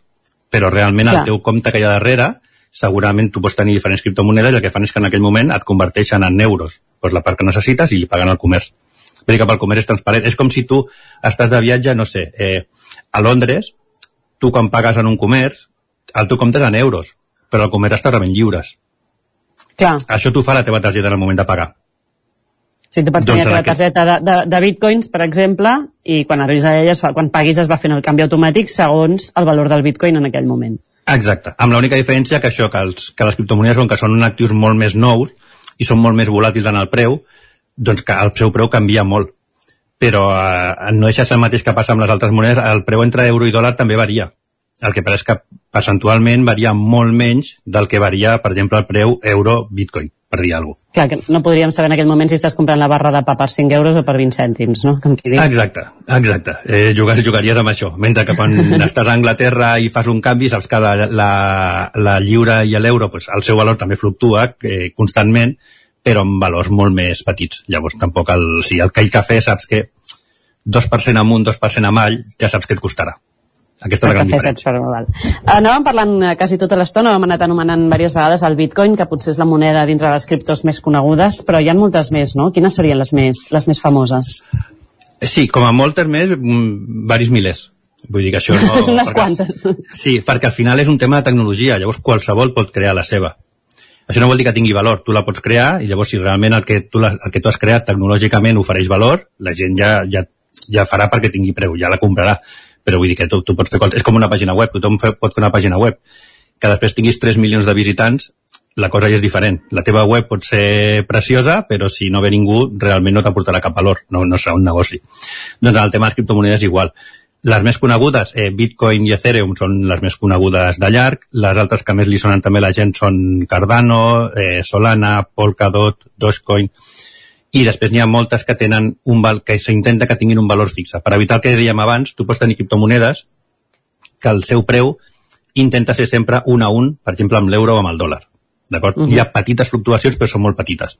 Llavors també hi ha criptomonedes d'aquest d'aquest estil. De dir, tu, jo, pots, jo puc tenir una criptomoneda que està enganxada al valor de l'euro i jo sé que si tinc 10 d'aquella criptomoneda, tinc l'equivalent a 10 euros. El que passa és que suposo que part del, del motiu, desconec, eh? igual ara ja Mm. m'estic ficant o no d'això, però suposo que part dels motius pels que eh, algú decideixi fer aquests canvis és precisament aquesta petita aposta d'una fluctuació a l'alça, no? Vull dir, si no, d'alguna manera, o, o quin benefici pot tenir el que passar-te a criptomonedes si al final el valor és més o menys el mateix que l'euro, per exemple? En, en aquest cas, aquesta les creen, ja et dic, per tenir un equivalent a una moneda que no està regulada per un banc central, Uh -huh. però que tingui un valor estable. Això per, això, Vale. per segons quins tipus de, de negoci que tu no vols que, això el que dèiem abans, eh, tu no vols Que que, fluctuï el valor un 10% d'un- dia a un altre. Uh -huh. Clar, tampoc és que d'un dia a un altre el valor normalment canvi un 50%, però un 10% és normal que pugui passar. Llavors, clar, si tu això tu vols evitar, doncs eh, es creen aquest tipus de monedes, que són per... per al final és tenir un valor fixe, però que no depengui d'un banc central. Al final, tot aquest sistema, aquest tipus de monedes són una mica un pont, perquè aquest sistema el que està buscant, el que està pensant, és intentar fer un sistema financer, això, que no depengui d'entitats centrals, dels bancs de tota la vida, que sabem que el sistema financer doncs, el tenen com el tenen, fan el que fan i el dominen com el dominen. Això és el que busca, això és el que busca tot el, tot el món de les criptomonedes. No sé si substituir, però com a mínim tenir un sistema paral·lel que no depengui d'això, de, la decis de decisions fosques en despatxos que ningú veu, sense llums ni taquígrafs, sinó que al final, com que és codi, tu pots saber cada criptomoneda com es comporta exactament, quantes emetrà, quantes no. Per exemple, el Bitcoin és, def és deflacionari. Bitcoins cada cop se'n creen menys i se'n crearan 21 milions. O sigui, el dia que es creia el Bitcoin 21 milions no se'n crearà mai més cap. Hi ha altres que no, hi ha altres que són inflacionàries, però tu saps com són d'inflacionàries. No és com els euros que, o els dòlars que de cop i volta, però això, la inflació es dispara o cau... Això sí que està, en el tema de les criptomonedes és una de les coses que s'intenta controlar. Uh -huh. uh, suposo que aquest precisament anar en paral·lel del, del control del Banc Central deu ser una de les avantatges que suposa per, per la indústria. Eh, la, entenc que de les principals, no sé si hi ha més avantatges en aquest sentit, o de cara a les persones. Quin avantatge té moure's en el món uh, de les criptomonedes en comptes de la moneda tradicional, diguéssim? Doncs clar, a dia d'avui, com, que, com dic que és una cosa molt nova, que tot això encara no està establert i per això hi ha volatilitat. Però, per exemple, una cosa com la que ens està passant, que ara, ara patim una inflació molt alta, és una sèrie de factors, eh? però un dels principals és que a través de la pandèmia tots els bancs centrals han imprès moltíssima moneda, i se sabia, perquè estaven dopant l'economia. Això ha fet que ara estim patint una inflació molt alta, perquè al final hi ha molts més diners, bitllets i monedes al carrer pels mateixos béns de consum. Per tant, això el que fa és que els béns de consum pugin de preu. Això moneda com Bitcoin no passaria, perquè el que et deia, al final, eh, en el cas de Bitcoin és deflacionària. Per tant, ningú podria haver anat a començar a imprimir Bitcoins perquè sí. Llavors, aquest, clar, perquè avui en dia el sistema financer mundial encara és el de sempre. Per tant, al final les criptomonedes pues, reaccionen també amb els mercats perquè al final ja, per això, té un preu contra el dòlar o contra l'euro. Però això en un sistema purament de, de, de criptomonedes com el que s'està muntant, eh, això, per exemple, no hagués pogut passar. Per què serveixen també? Eh, si jo et vull fer una transferència a tu un diumenge, jo te la faré diumenge i tu la rebràs dilluns, dimarts. Si jo t'envio bitcoins o qualsevol altra criptomoneda el diumenge a les 12 del migdia, doncs hi ha criptomonedes més ràpides o més lentes, però cap a la una, una i mitja ho tindràs tu. I dona igual que estiguem eh, els dos a 5 quilòmetres que jo estigui a Austràlia i tu estiguis a Barcelona. Eh, això és una cosa que, que contra el sistema financer, perquè deia que al final com que hi ha moltes entitats pel mig, eh, és molt lent i hereta moltes formes de funcionar de gairebé fa 100 anys, mentre que és això, jo t'envio bitcoins a tu, o jo li envio bitcoin, un bitcoin a algú que està a Seattle i dintre de una o dues hores ell ho té. I si hi ha, hi ha altres Una immediatesa que les té- econòmica, no? i altres criptomonedes que les tindria en qüestió de segons. En menys de mig minut la tindria. Suposo que és una immediatesa a nivell eh, de fluctuació econòmica que, que no, no pot oferir la banca tradicional d'alguna manera i que en segons quins negocis deu ser clau, precisament, no? Aquesta, Clar, aquesta immediatesa quasi. Sí, els Clar. costos. A mi em costa el mateix eh, enviar-li un bitcoin a ma germana, que viu a 3 quilòmetres, que algú que està a Washington. És exactament el mateix, perquè la cadena de bitcoin, és, qualsevol cadena d'aquestes, és única al món.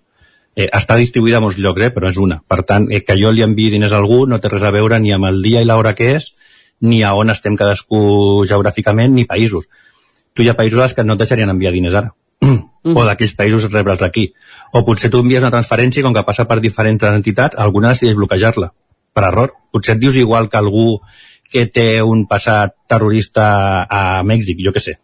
Saps? I això, això hi ha gent que li passa. Hi ha gent que li bloquegen operacions o li bloquegen comptes perquè té la mala sort de que el seu nom o la seva foto o el que sigui s'assembla a algú amb qui no té cap mena de relació que i això, i una entitat simplement per, per prevenció t'ho bloqueja.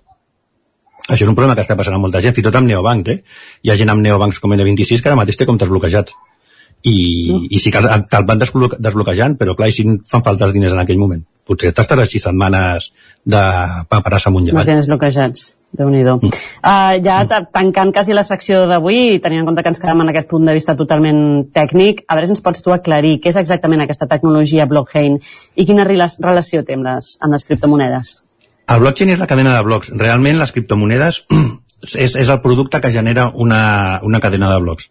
La cadena de blocs és justament on es registren totes les transaccions, per tant és el que deia, eh? és única al món, tot i que estigui eh, replicada per molts llocs, però és, és com el, el, el llibre d'economia, els apunts comptables del DB i a l'Aver, Mhm. doncs és això, però programàticament, eh, a nivell informàtic. Allà és on es registra tot. I el, la criptomoneda és l'actiu que serveix perquè aquella cadena puguis fer transfer, tra- transaccions. Per exemple, a la cadena de, a la blockchain de Bitcoin, la criptomoneda és Bitcoin. A la cadena d'Ethereum, la criptomoneda és Ethereum. Vale. Llavors, és, és l'actiu, és l'actiu financer, que és el que serveix justament per fer totes les operacions en aquella cadena. Si jo vull enviar un bitcoin a tu, el que jo he de pagar per aquella transacció és una part molt petita de bitcoin, és un, posa-li dos cèntims, pel que sigui, eh? però, però el cost d'operar en aquella cadena es paga en, aqu en la criptomoneda de la cadena. Vale. això té valor, eh? perquè precisament serveix per fer coses com per exemple en el cas de Bitcoin, doncs enviar-te tu bitcoins, o si és una cadena com Ethereum que té smart contracts, per tu executar coses d'aquests contractes intel·ligents, la moneda que es fa servir és l'ETH, que és la moneda d'Ethereum. És el, ja et dic, al final és el, és el greix o és l'oli que fa que tot el que puguis fer en aquella cadena es paga en això. Per això mateix té valor. conceptes tècnics i, i complexos en els que haurem de seguir treballant, està claríssim, perquè evidentment les, les criptos, eh, com ja vam dir en el seu moment, han arribat per quedar-se i, i hem d'aconseguir d'alguna manera a poc a poc anar, anar introduint-les en el nostre dia a dia i en la nostra economia domèstica, quasi per dir d'alguna manera. Moltíssimes gràcies, Raül, per, per avui orientar-nos una miqueta i posar llum a la, a la foscor, que dirien alguns, a, sobretot el tema de les criptos. I Gemma, moltíssimes gràcies una setmana més. Escolta, ens veiem dijous que ve o què? Intentarem que sí. I ens Intent... veurem amb un, amb un tema de... Parlarem de turisme. Perquè ja de som turisme. a l'època i hem de començar a parlar de la macrotendència i després hem de parlar de com les persones poden viatjar no sé d'una forma moderna però sí com a mínim una forma responsable econòmicament parlant doncs començarem a fer dentetes de cara a l'estiu i a les vacances amb aquesta nova secció de la plaça sobre turisme. Moltíssimes gràcies a tots dos per aquesta nova sessió i ens veiem ben aviat. Gràcies i bon dia. Moltes gràcies. Gràcies, Maria.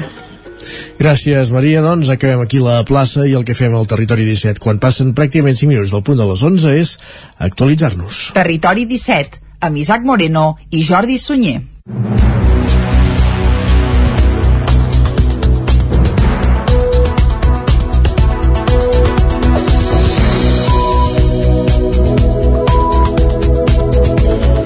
Moment al territori 17 per posar-nos al dia amb les notícies més destacades de les nostres comarques. De les nostres comarques anem cap al Ripollès. Ripoll protesta unànimament per la manca de metges al CAP. Isaac Muntades, la veu de Sant Joan. El ple de dimarts de l'Ajuntament de Ripoll va aprovar per unanimitat una moció presentada pel PSC que manifestava la seva preocupació per la falta de professionals de medicina familiar al cap de Ripoll. Els socialistes exposaven que en aquests moments hi ha un 43% de la població de la capital del Ripollès que no té un metge assignat. La regidora del PSC, Ana Belén Avilés, feia visible aquesta problemàtica tan greu. Hi ha una problemàtica afegida a la ja de per si infradotació que té el cap de Ripoll, que és el fet de tenir tres places vacants sense cap metge assignat que s'ha juntat amb l'inici dels torns rotatius de vacances que tan necessaris són precisament en aquest temps postpandèmic que hi ha hagut una càrrega assistencial molt forta. Teòricament, al cap de Ripoll hi ha 5 metges que han d'atendre una població d'11.000 persones i, com deia Vilés, ara mateix n'hi ha un parell que estan vacants. De fet, fa uns mesos ja hi va haver problemes per la falta de metges especialistes a l'àrea pediàtrica. Les dades són esfereïdores i hi hauria un 43% de la població ripollesa que no té metge assignat i per això hi ha metges que estan doblant torns per intentar absorbir tota la demanda. Com que és impossible per nombre d'efectius, això està provocant que el CAP es col·lapsi i les visites es donin a tres setmanes vista. L'edil socialista va dir que si totes les places estiguessin ocupades hi hauria d'haver 8 facultatius a Ripoll, que per nombre d'habitants haurien de ser 9. La moció demanava, entre altres coses, resoldre aquesta manca d'efectius o oferir incentius als metges que s'estableixen en comarques com el Ripollès, que són rurals i amb menys habitants. L'equip de govern, que ja estava assabentat de la situació, es va voler sumar prèviament a la moció. L'alcalde Jordi Monell explicava els passos que van fer. Ben assabentats d'aquesta situació que afecta el, el CAP de Ripoll, però que també afecta en el conjunt de l'àrea bàsica de salut, en aquest cas de Camprodon Sant Joan Ripoll, que forma part del mateix òrgan de gestió. Doncs ja dilluns passat, dia 23, assabentats d'aquesta situació, doncs van fer també un acord de govern eh, adreçant-nos, en aquest cas també doncs, a l'ICS, que és l'òrgan gestor, a la conselleria, etc etc amb els mateixos termes. Aquest dimecres, aprofitant la visita del conseller de Salut, Josep Maria Argimon, a l'Hospital de Can de Bànol, se li va poder entregar la moció personalment i acabar d'explicar-li la problemàtica que ja s'havia abordat anteriorment. La regidora d'Esquerra Republicana, Chantal Pérez, va assenyalar que la problemàtica prové de les retallades en sanitat que va fer l'exconseller Boi Ruiz i que hi ha hagut molt mala previsió, ja que per formar un metge es necessita uns 10 anys i no és una tendència que es pugui revertir fàcilment. També va apuntar que no els afavoria el canvi d'hospital de referència al doctor Trueta de Girona. Malgrat siguem de la província de Girona, no ens afavoreix gens des de que ens han col·locat amb l'Hospital d'Olot que hem d'amortitzar i a Girona que la via de comunicació bàsica ha de ser el tren, sobretot per tota aquella gent que no té transport i perquè estem més ben connectats i que la disposició dels professionals de l'Hospital de Vic de venir cap aquí és molt més que no els de la província de Girona. Per tant, no ens tanquem en províncies o en àmbits territorials quan hi pot haver una solució factible ben a la vora. El portaveu Copaire, Aitor Carmona, va coincidir en que aquests mals provenien de les retallades i de les privatitzacions fetes arran de la crisi econòmica de l'any 2008. I això va portar el, el govern de la Generalitat doncs, a retallar més de 1.000 milions del pressupost destinat al Departament de Salut. Va implicar, òbviament, el tancament de llits i plantes, d'equipaments, de programes sanitaris, quiròfans, i es van perdre més de 5.000 llocs de treball. La majoria de retallades, a més a més, es van donar precisament en l'atenció primària i en els hospitals públics, com ara el que tenim aquí a nivell comarcal a, a Can Davano. Carmona també va apuntar que en el seu moment es va decidir que el 50% del pressupost de la Generalitat es destinés a la sanitat privada, comportant que es desmantellés la pública progressivament. I a Osona, atenció, aquest dimarts al ple de Manlleu, la plataforma Manlleu diu prou havia convocat una nova protesta contra la inseguretat ciutadana coincidint amb la sessió que es va fer amb retrets i interrupcions des del públic. Coincidint amb el ple municipal del mes de maig a Manlleu, aquest dimarts, la plataforma Manlleu diu prou havia convocat una nova concentració contra la inseguretat ciutadana per reclamar, segons l'anunci que havien fet abans a les xarxes socials, més presència policial i més seguretat al carrer. Els primers moments de tensió es van viure a l'entrada de l'Ajuntament, quan la policia local, argumentant que l'aforament de la sala de sessions ja estava ple, va impedir que més persones hi accedissin. El ple es va anar desenvolupant amb aplaudiments i retrets des del públic. El síndic de Greuges Municipal, Josep Maria Anglada, hi va donar a conèixer l'informe del 2021. Aleix Estrada també va passar oficialment a ser regidor no adscrit després que se li retiressin les competències de govern i deixés el grup de Junts per Catalunya. I també s'hi va debatre i aprovar la moció que hi presentava el col·lectiu per una plana viva, que demana l'aplicació urgent de la, no, la nova llei d'espais agraris. El to va anar pujant, sobretot durant el torn de pregs i preguntes dels regidors del PSC, quan van qüestionar sobre el porta a porta i especialment quan va intervenir Marta Moreta, que va tornar a demanar la dimissió del regidor de Seguretat Ciutadana, Arnau Rovira. Escoltem per aquest ordre la regidora socialista Marta Moreta i el regidor de Seguretat Ciutadana, Arnau Rovira. Senyor Rovira, sap que li tinc un apreci personal, però ha demostrat però ha demostrat al llarg d'aquests tres anys no ha sabut no ha sabut portar aquesta àrea com calia. Eh, nosaltres li volem demanar, sincerament, no creu que seria millor deixar-ho i que ho assumís una altra persona? de l'1 de gener de 2021 fins a 15 de maig 2021 i aquí sí que vam tenir un pic per exemple de robatoris eh, de fet el pic més alt és aquí eh, i de 1 de gener de, 2000, eh, de 2022 fins a dia d'avui fins a dia 15 de, de maig de 2022 puc parlar doncs, de que a nivell de robatoris han baixat eh, per exemple robatoris Uh, demanem, sisplau, demanem, sisplau, silenci. L'última intervenció al ple va ser del regidor del PSC, Antoni Poyato, que va demanar als assistents que evitessin les interrupcions, com també havia fet l'alcalde Àlex Garrido, tal com escoltàvem ara mateix en aquest tall. Finalment, però, l'alcalde va donar la sessió per acabada sense donar veu al públic. Els regidors van sortir de la sala enmig de crits. Els membres de la plataforma Manlleu diu prou tampoc van voler fer declaracions. La Generalitat dona llum verda al conveni que permetrà reformar la depuradora dels pobles del sud del Moianès, Ona Codinenca, que era el campàs. El sistema de sanejament de la Conca Alta d'Altenes està constituït per una xarxa de col·lectors generals i una depuradora on es tracten les aigües residuals de les poblacions de Castellcí, Castellterçol i Sant Quirze de Safaja. La reforma queda inclosa en un acord més ampli que permetrà reformar 26 depuradores de la Conca del Besòs. El conveni amb el Consorci estableix un pressupost de 100 milions d'euros pel manteniment, noves inversions i redaccions de projectes de les depuradores fins al 2025. La partida més important del pressupost serà de 77,5 milions d'euros i es destinarà a garantir el funcionament d'aquestes depuradores. Segons apunta l'ACA, pel que fa a la resta, 20 milions seran per reposicions i millores i 3,9 milions per la redacció de projectes constructius que permeten fer noves instal·lacions a les comarques del Vallès Oriental i el Moianès. En aquesta última comarca es destinaran 378.000 euros a fer una ampliació de la depuradora de Sant Quirze de Safaja. Per altra banda, també es destinaran 250.000 euros a les instal·lacions de sanejament del nucli de Pla de Badó Nord, conegut com a Can Guitart, a Sant Quirze de Safaja. I acaba Cardedeu el projecte de reparació i manteniment de bicicletes adreçat a dones. David Auladell, Ràdio Televisió Cardedeu. Un total de 8 alumnes van completar el projecte de reparació i manteniment de bicicletes adreçat a dones organitzat pel Servei de Formació i Ocupació de Cardedeu.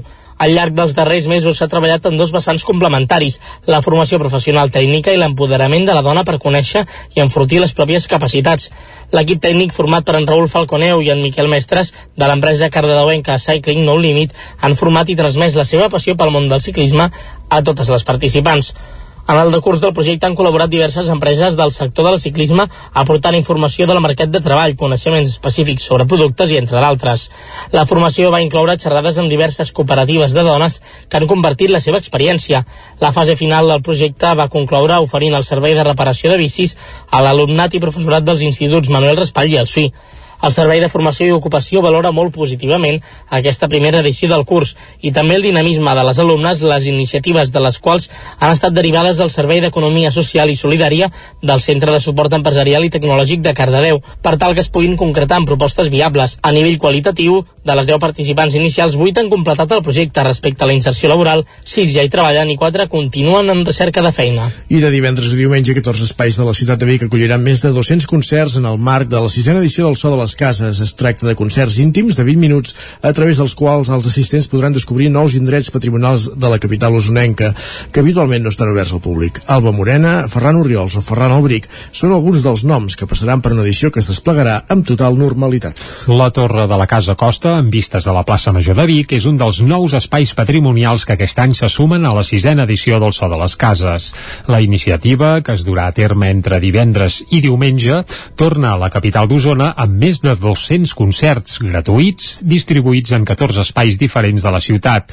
D'aquests se n'estrenen 7. Són la Torre de la Casa Costa a la plaça Major, l'Església de Santa Caterina, la Sala Mecenes de la Casa de Convalescència, el Pati de l'Albergaria, l'Església de la Rodona, la Sala Modernista del Casino i la Capella de la Guia al final del barri de la Calla. Se sumen a espais emblemàtics de la proposta, com són el jardí de la Casa Ricard, l'exterior de l'hotel Les Clarisses o la terrassa de la Casa Vilarrúbia.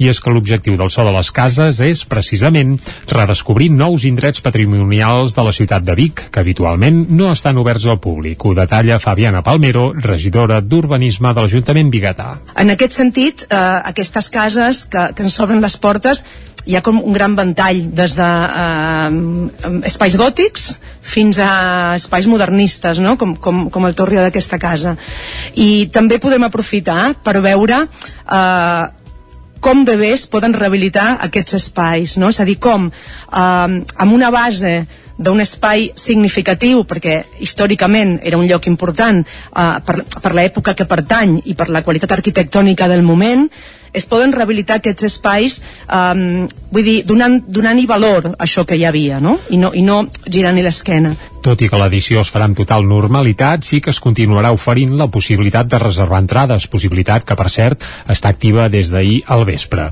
Un format que l'Ajuntament de Vic va habilitar amb l'esclat de la pandèmia i que ara es manté. Bet Piella és la regidora de Cultura de l'Ajuntament de Vic.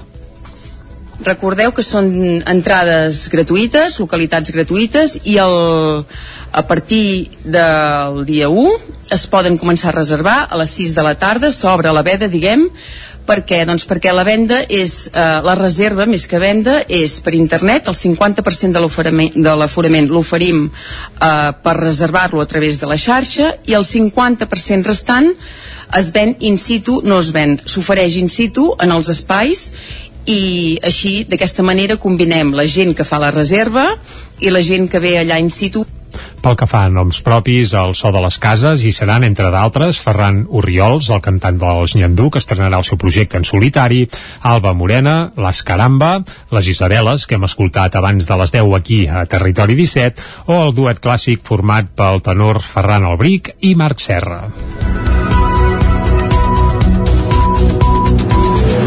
Doncs amb aquest apunt del sol a les cases acabem aquest repàs informatiu que, pas, que començàvem quan passaven 5 minuts de les 11 en companyia de David Auladell, Isaac Muntades, que era el Campàs i Jordi Sunyent. El que fem tot seguit és introduir-nos a l'alegria interior.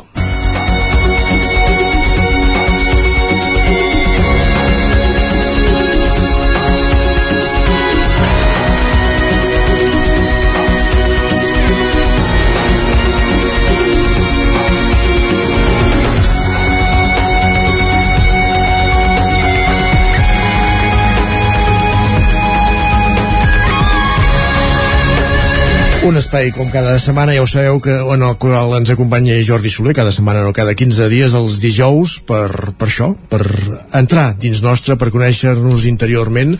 Jordi, per on passem avui? Bon dia. Bon dia.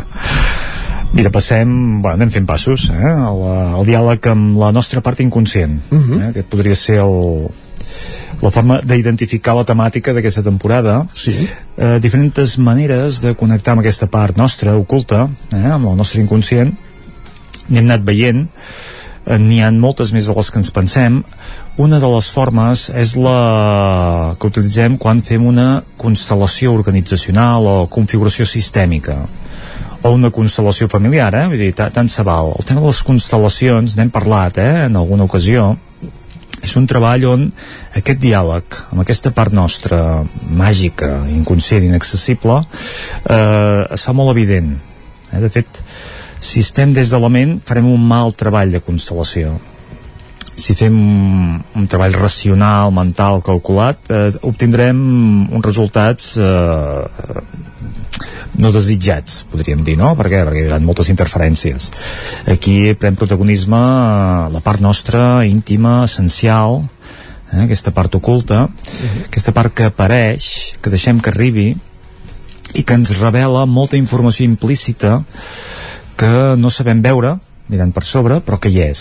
Eh? Llavors, quan es fa un treball, posem pel cas, eh? una organització, una empresa, que té problemes o vol millorar aspectes de la seva organització, de, la relació entre departaments, d'un projecte determinat que no va prou fi, eh? i hi ha una inquietud, i una inquietud més enllà de la part calculada, eh? de la part que es pot fer amb un Excel, o que es pot fer allò de forma, diguéssim, molt pensada.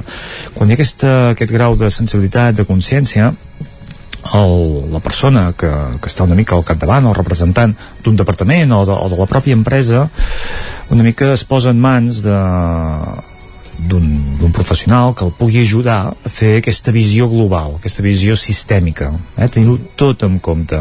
Tot en compte vol dir la part emocional, eh? la part de, de relació, la part que amaguem les persones que formem un equip i que són importants perquè influencien molt amb el resultat obtingut. És dir, que el propòsit d'una configuració sistèmica o d'una constel·lació organitzacional de fet és obtenir uns bons resultats. Vull dir que és, és que el projecte que hi ha, el projecte d'empresa projecte d'equip doncs vagi endavant i, i vagi de la millor manera possible. Però que no sabem per què eh, ens trobem amb, bueno, amb uns resultats eh, que no són bons no? i que no hi trobem una mica el motiu.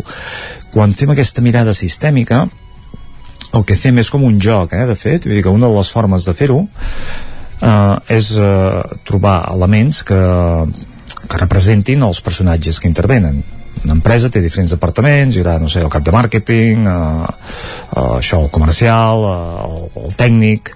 Doncs agafem un element que representi cada una d'aquestes figures. Hi ha gent que ho fa amb Playmobil, hi ha gent que ho fa amb vasos de plàstic posant el nom de cada persona. Doncs quan tenim aquests elements que, que representen a les persones o als departaments, demanem o es demana la persona, el, en aquest cas doncs, el, el responsable de l'empresa no? la persona que té una inquietud la persona que vol avançar, que vol resoldre no? que vol trobar una mica què està passant a la seva empresa, a la seva organització se li demana que ubiqui aquests elements, aquests personatges mira, doncs el cap de personal el posem aquí no? l'operari el posem allà, el cap de màrqueting el posem a tal lloc un cop ha fet la composició de com ell creu que ha de posar cada personatge, fixa que aquí hi ha la posició del personatge ja no és una cosa aleatòria, és una cosa que la persona deixa que es deixa sentir i col·loca aquestes figures representatives d'una forma ja molt determinada que a primera vista no hi dona importància no veu, però com un cop acabat veu tot el mapa de la seva empresa amb aquestes figures representatives no? que cada una és un, una persona, un membre de, de l'equip o dels departaments se li demana que, que els observi i que se li demana que sàpiga trobar una mica què hi ha, que li cridi l'atenció en la col·locació d'aquests elements. I s'acaba donant de moltes coses, moltes coses que sabia, perquè la part de l'inconscient és informació que sabem, però la que no hi tenim accés. Doncs quan ho veiem d'una forma física, d'una taula, cada persona ubicada, ens adonem que determinats elements estan més junts, estan més separats, estan orientats d'esquena, estan orientats de cara, no? i aquí ja percebem que allò és un reflexe de la situació de, de la nostra empresa no? vull dir que resulta que aquestes dues persones potser no s'avenen prou tot i que no és d'una forma evident però que no hi ha bona sintonia i els hem col·locat d'esquena o no n'hi ha ningú alineat, tots estan mirant en direccions diferents, no? Doncs allò, d'alguna forma, ja és una primera informació que ha emergit de la part inconscient de, de la persona que constela, no? Vull dir que, sense adonar-se'n, quan ha col·locat eh, aquelles persones, representades per això, eh, per un ninotet o, o per una figura que agafi el paper de... s'han d'identificar, eh? I s'ha d'identificar la direcció amb la que, amb la que es posiciona aquí la persona ja, ja diu, ostres, doncs sí, és veritat, no? Aquí amb aquests elements eh, sí que és veritat que no hi ha bona sintonia, sí que és veritat que hi ha un conflicte, sí que és veritat que no va la cosa prou fina, i a partir d'aquí comencem a tibar del fil, no? I, I què podem fer perquè aquestes persones doncs, mirin en la mateixa direcció, o s'acostin més, o que hi hagi un cert ordre, no? I amb aquesta relació de pregunta-resposta uh -huh s'ajuda una mica a la persona responsable doncs, a, adonar-se i no s'arregla res, simplement prenem consciència no? observem des de fora un mapa de la nostra situació empresarial i podem dur a terme correccions i podem dur a terme canvis sempre sota bueno, el compromís no, de, la, de la persona que ho fa de dir ara ho veig i estic disposat a fer aquests canvis i que hi ha aquesta voluntat no? Però si més l'oportunitat d'evidenciar una situació és el que bueno, et permet després arreglar i millorar canvis. Tots els treballs de constel·lació que es porten també a nivell familiar, eh? les constel·lacions familiars eh, van ser les primeres que, que van aparèixer a resoldre conflictes personals entre les, els membres d'una família i normalment es fan eh, persones que representen, persones físiques eh? que, que representen cada membre, el cosí, el tiet, l'avi són com, no són actors, eh, perquè són voluntaris, són persones que, que participen d'un acte de constel·lació en el que sense adonar-se'n, quan agafen el paper de, eh, experimenten una certa transformació la forma de parlar, de caminar, de, de tot és, és curiós, eh? siguem tant en el paper que el, la part inconscient nostra d'alguna forma es revela i, i mostra aspectes que, bueno, que, que, que hi són i que a simple vista no es veuen no? I és una bona oportunitat. Les constel·lacions es poden fer també a nivell grupal. I hem parlat que, que hi ha una persona que, que posa les figuretes i que, que veu, observa, se li fan preguntes, respon, eh, pren consciència. També es poden fer a nivell eh, grupal, eh, tot un equip de gent que participen també d'aquest joc i que posen ells, prenen part d'aquesta composició i entre tots eh, doncs, bueno, fan veure aspectes amagadets però que, que són importants. I que això jo crec que és una molt, molt, molt bona mostra perquè ens adonguem de que hi ha quelcom dins nostre que ens dirigeix, que ens aconsella, que, que ens aporta informació i que el que cal és saber escoltar aquesta part eh, les constel·lacions. Doncs hem parlat de constel·lacions, no, no d'astres, no mirant al cel, sinó més terrenals avui en aquesta secció a eh, l'Alegria Interior en companyia de Jordi Soler. Doncs gràcies Jordi per, per acostar-nos, per endinsar-nos en, aquesta, en aquest escenari que ens, que ens situaves avui. A vosaltres. Bon dia. Bon dia. Avancem al territori 17 i de l'Alegria Interior. El que fem serà passar a fer una petita pausa, però per encarar la recta final del programa passarem per l'R3 amb les cròniques dels usuaris de, soferts usuaris de cada dia i més coses. Fins ara mateix. El nou FM, la ràdio de casa, al 92.8. Si tens pensat canviar la caldera o posar aire condicionat, posa't en mans de Pradell. Tenen les millors ofertes. Pradell instal·la calderes de biomassa, calderes de condensació, aire condicionat tant per a particulars com per a empreses. Apunta, Pradell, Avinguda Països Catalans, número 27 de Vic. Telèfon 93 885 11 97. Repetim, 93 885 11 97.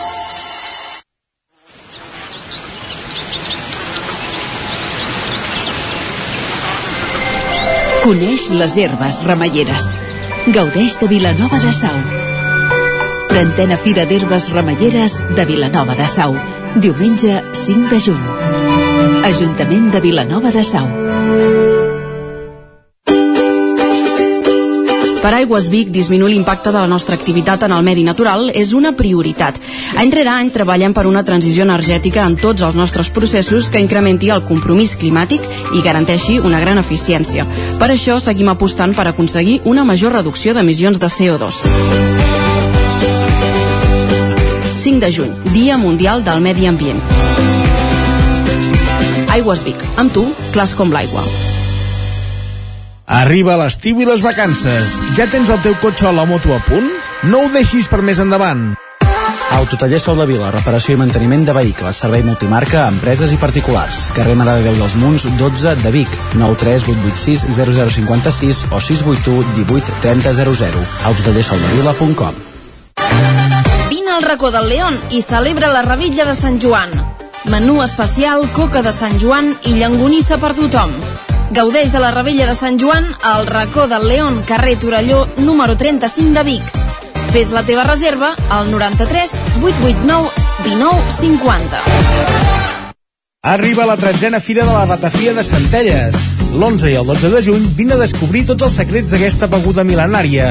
Hi trobaràs parades per conèixer tots els tipus, xerrades, tallers pràctics per fer la teva pròpia ratafia o remeis casolans i coneixerem el guanyador del 13è concurs de ratafies casolanes de Centelles. L'11 i el 12 de juny tens una cita amb la ratafia a Centelles. Cocodril Club.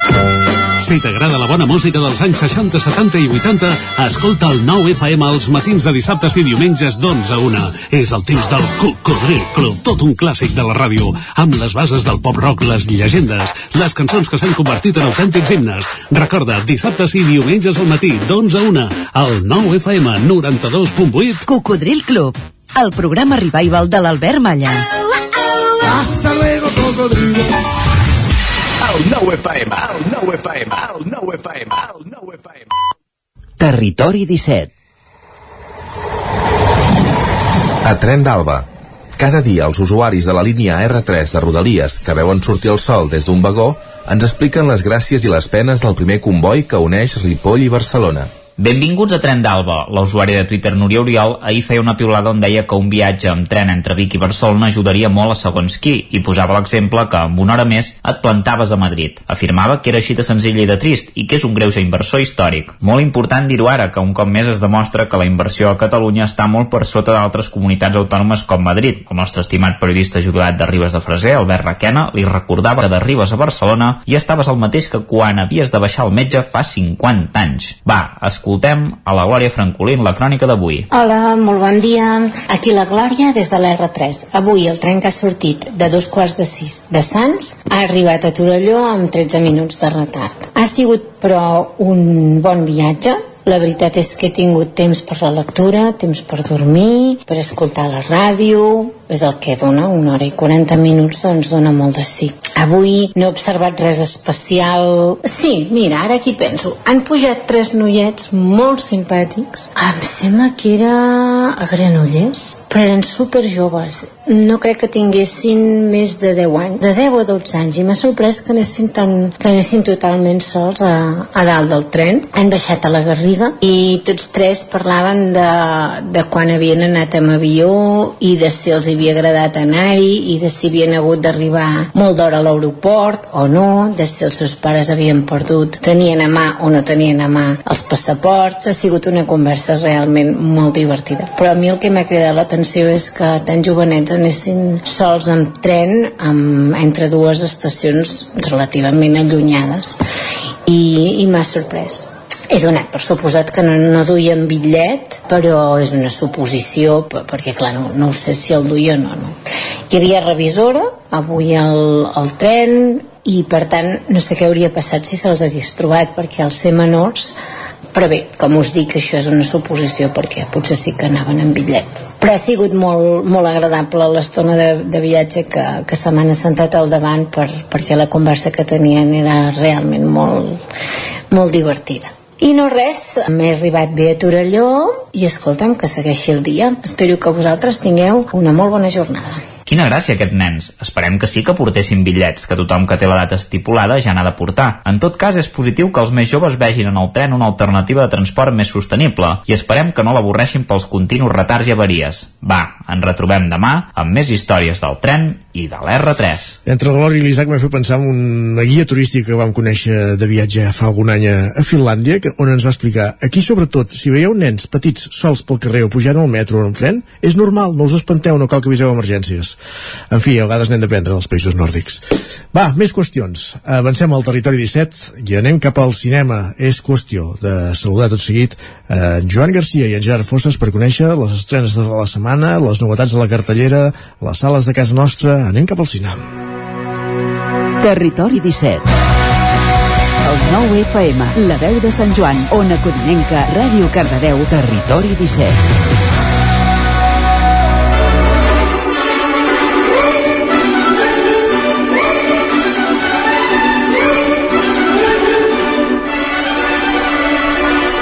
I una setmana més, moment de parlar de cinema i de fer-ho amb el nostre col·laborador, en Gerard Fosses. Hola, Gerard.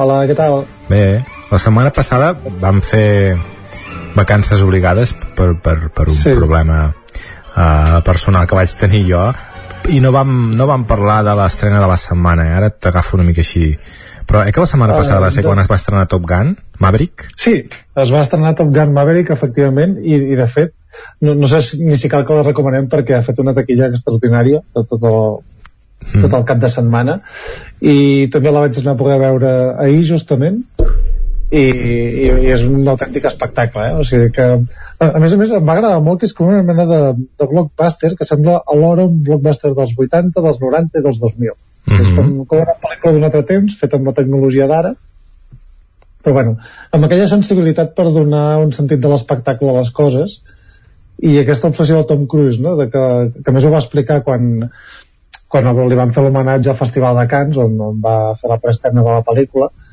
que diu, diu jo estic molt obsessionat en fer pel·lícules pel cinema per, per atraure la gent a les sales i clar, diu, diu què crec jo que atrau la gent a les sales? Doncs unes escenes d'acció espectaculars i, i que es vegin bé, que vegin a la gent fent coses i clar, ell va aprendre, per exemple, a pilotar i a veus allò patint, aquella respiració costosa mm. i no sé, al final fa tots aquests petits detallets que fan que, que realment sigui una molt bona pel·lícula sent el que és, que és una pel·lícula d'acció mm. sense moltes pretensions, però molt bé. M'estàs dient que ell uh, és pilot? O sigui, ell ha après a fer anar a l'avió per poder fer la pel·lícula?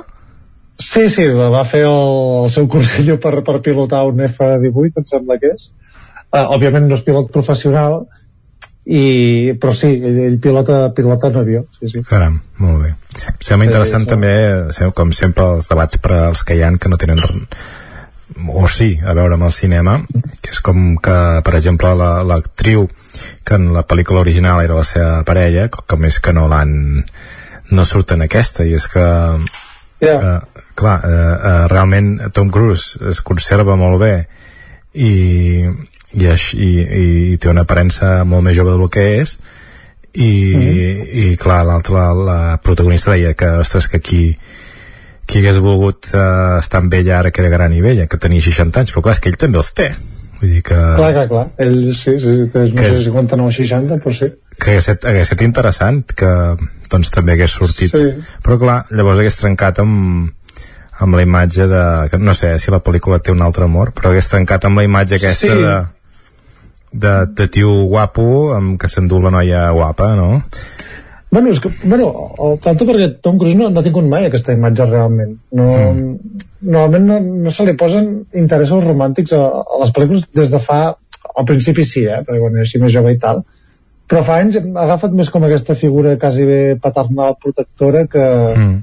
que el fet de tenir un interès romàntic com a tal. I de fet aquestes escenes on representa que està així en plan seducció i tal, no funciona gens bé, o sigui, no, no se li ha donat mm. mai bé això. Mm. O sigui, també jovenet que tenia aquest caràcter més socarrón, sí, però mm. fa temps que, que diguem que és un personatge o un model que, que ha deixat bastant apartat. En tot cas, això, em sembla interessant aquest debat, eh, de, de com és que mm. l'actriu no surt en Top Gun Maverick, és veritat, no sé.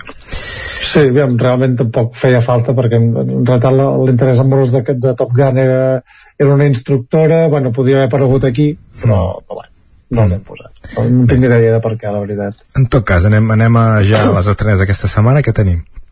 Uh, tenim, doncs, jo ja t'ho dic ara que és una de les estrenes de l'any oh. i, i segurament la, una de les pel·lícules de, de ciència-ficció de l'any uh, a esperes de, de veure què ha fet David Cronenberg i entre d'altres, però aquestes d'aquestes magnífiques sorpreses. Uh, no, no sé si et sona una pel·lícula que es diu uh, Swiss Army Man, que va guanyar Sitges, crec que l'any 2013 o 2014. Mm.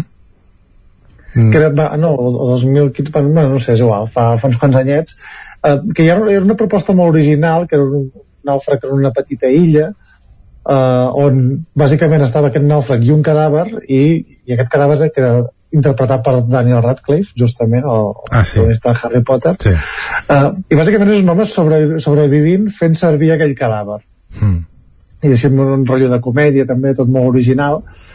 I aquests uh, directors, que són Dan Kwan i Daniel Scheinert, uh, han fet una pel·lícula així de, de paradoxes temporals, no? ara que ha sortit el Doctor Extraño, o sigui, l'autèntic uh, multiverso de la locura, el trobem en aquesta pel·lícula que es titula Todo a la vez en todas partes. Puede que vosotros solo veáis un montón de recibos, pero yo veo una historia. Puedo ver en qué dirección va esa historia. Y no tiene buena pinta.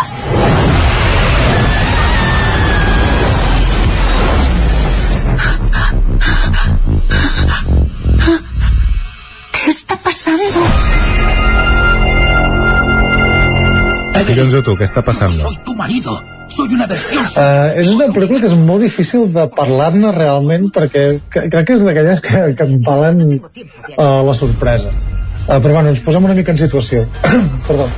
La protagonista és Michelle Yeoh, que és una immigrant xinesa, que té una, una botiga de, de rentadores i tal, no? una lavanderia. I bàsicament els seus problemes quotidians amb el matrimoni, amb la filla, amb son pare, amb, en aquest cas en un context on ha de fer la declaració de la renda i té tot, tot un desastre. I diem que en aquesta vida normal doncs, comença a veure's intervinguda perquè hi ha una mena d'alteració interdimensional, que és eh, bàsicament el, les regles d'aquest multivers no? que, bueno, que seria un multivers, que cada decisió que prens a la teva vida doncs, obre una nova via alternativa per la qual haguessis pogut anar a parar, no? Mm. I bàsicament és com els, els universos es comencen a, a barrejar i com aquesta protagonista comença a córrer per diferents universos doncs per eh, diguem que corregir eh, tota, aquesta, tota aquesta alteració de, de l'univers a l'hora que intenta arreglar la, la seva vida no? Mm. Uh, és, és una cosa realment complicada és com si t'intentessin explicar Matrix o l'any 90 una mica el, el, el que passa aquí. Mm. per tant, o sigui, és anar a veure la pel·lícula deixeu-vos portar i, i realment no sé, hi, hi ha una crítica que em fa molta gràcia que, uh, per a veure si, si la trobo Sí, és de, de In the Wire, d'un que es diu David Eldridge, que diu, la, la vi dos veces para asegurarme de, de que la primera no estaba alucinando y la veré por tercera vez por la misma razón. I, i, I em fa molta gràcia perquè jo, jo em vaig quedar amb una sensació molt, molt similar. Mm -hmm. eh, realment és una pel·lícula que, que té de tot. És, és una comèdia, té això, ciència ficció, moltíssimes escenes d'acció magnífiques, té efectes especials, bones interpretacions, té la part aquesta reflexiva, més, més emotiva, més a més molt ben portada, mm, té una proximitat molt gran, tot i, tot i ser una pel·lícula molt, diguem, molt rocambolesca i molt complexa, doncs té els seus diguem que sap expandir, sap reduir-se no, per arribar realment a les essències. Vull dir, em sembla extraordinària. I a mi, que abans que t'he parlat de Sis Army Man que és una proposta que considero molt original però no em va agradar massa la pel·lícula aquí realment em trec el barret perquè és, és una cosa absolutament memorable. No sé si per tots els públics, però crec que val la pena l'experiència d'anar-la a veure. Es va estar als Estats Units fa poques setmanes i ha funcionat molt bé de taquilla, gràcies al, al boca orella, sobretot, i a veure com, com funciona les taquilles espanyoles. Vull dir, és un, un risc de cometes que ha agafat YouPlanet, no? aquesta distribuïdora nova que ja s'ha rescat amb Titania i altres, altres pel·lícules, moltes de cinema asiàtic, justament, mm -hmm. i, i veurem què tal funciona. Molt bé. Enhorabona doncs a la gent de, de Granollers perquè aquesta només, en el nostre territori només es projectarà als cine. Sí, es diu tota la vez en totes partes, però ja veiem que en totes partes molt bé. molt bé, doncs uh, seguim? Sí, anem per la següent. Ara, diguem que, que ve una mica el caràcter estiuenc no, d'aquesta època i a més a més estem en setmana d'estrena entre dos blockbusters, no? estem en sàndwich de, de blockbusters perquè la setmana que ve toca uh, Jurassic World i aprofiten una mica aquestes pel·lícules més petites, en aquest cas pel·lícula de, de, de Dani de la Torre, que és ja un habitual de, del cinema de temporada, i amb el Barcelona nit d'estiu, nit d'hivern, no? que, fa aquestes comèdies um, feel good, no? de, de bon rotllo, i en aquest cas és una pel·lícula que es titula Life is Life. Oye, Rodri, ¿qué dijiste para que te dejaran venir? ¿Iba a tu casa? Dije que iba a la tuya. Todos juntos siempre. ¿Qué vais a buscar la flor? Creí que tiene razón. El rollo ese de la planta. No, és això, eh? Ambi- Ambientat a quan tu i jo potser érem jovenets, o, més aviat jo. Bueno, jo encara no havia nascut, eh? perquè és el, se situa la pel·lícula a l'estiu de l'any 85 Ah, doncs mira, jo en tenia, tenia 3 anys i tu et quedava poquet per néixer, no? Sí, exacte. Mm. bueno, encara podem dir que érem joves. Sí. Eh, però, de totes maneres, eh, això, jo aquesta època també aquestes ulleres i això també les havia dut jo i aquest, aquest rotllo jo també l'havia viscut de petit Va, es van allargar, es van allargar. exacte, exacte en tot cas això, 80s eh? Um, explica'ns una mica Sí, diguem, eh, estan en aquestes pel·lícules d'adolescència i fantasia, no? Intenta parlar de- d'aquesta fi de l'adolescència i entrada a l'edat adulta. Pel·lícules, per exemple, Cuenta conmigo segurament seria una mica el més similar a això, no? que eren aquests nens que anaven a, a veure un cadàver que, de, que havien sentit el rumor que hi havia al costat de la via del tren mm. i en aquest cas és una, una recerca més, més fantasiosa, més màgica, que és anar, anar a buscar una, una flor màgica, eh, que també són un grup de, de cinc amics, no? que, que fan aquesta excursió en, en aquest estiu que es troben.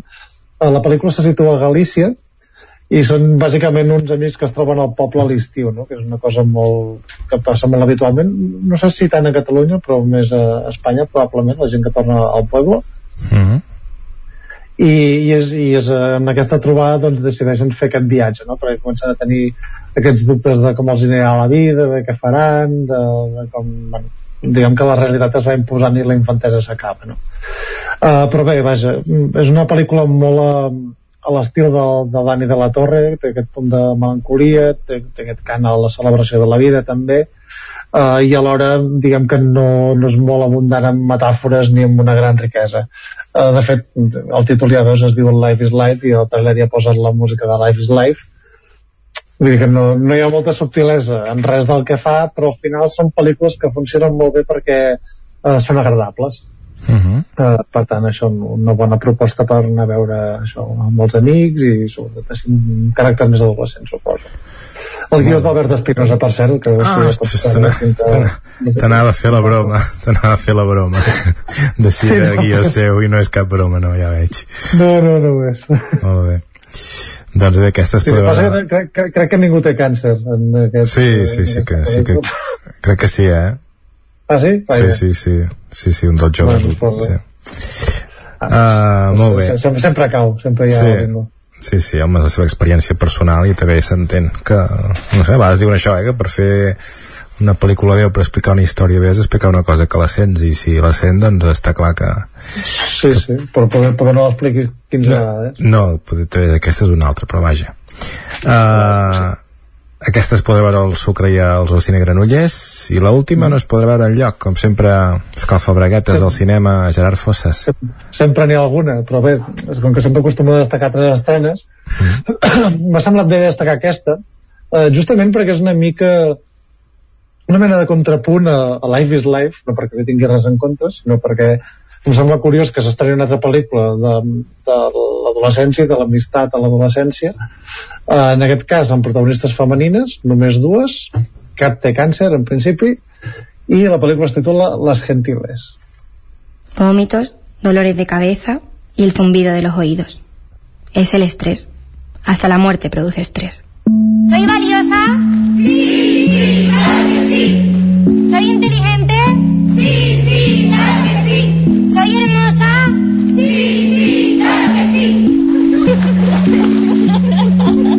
Natación me ha dicho que estaba triste.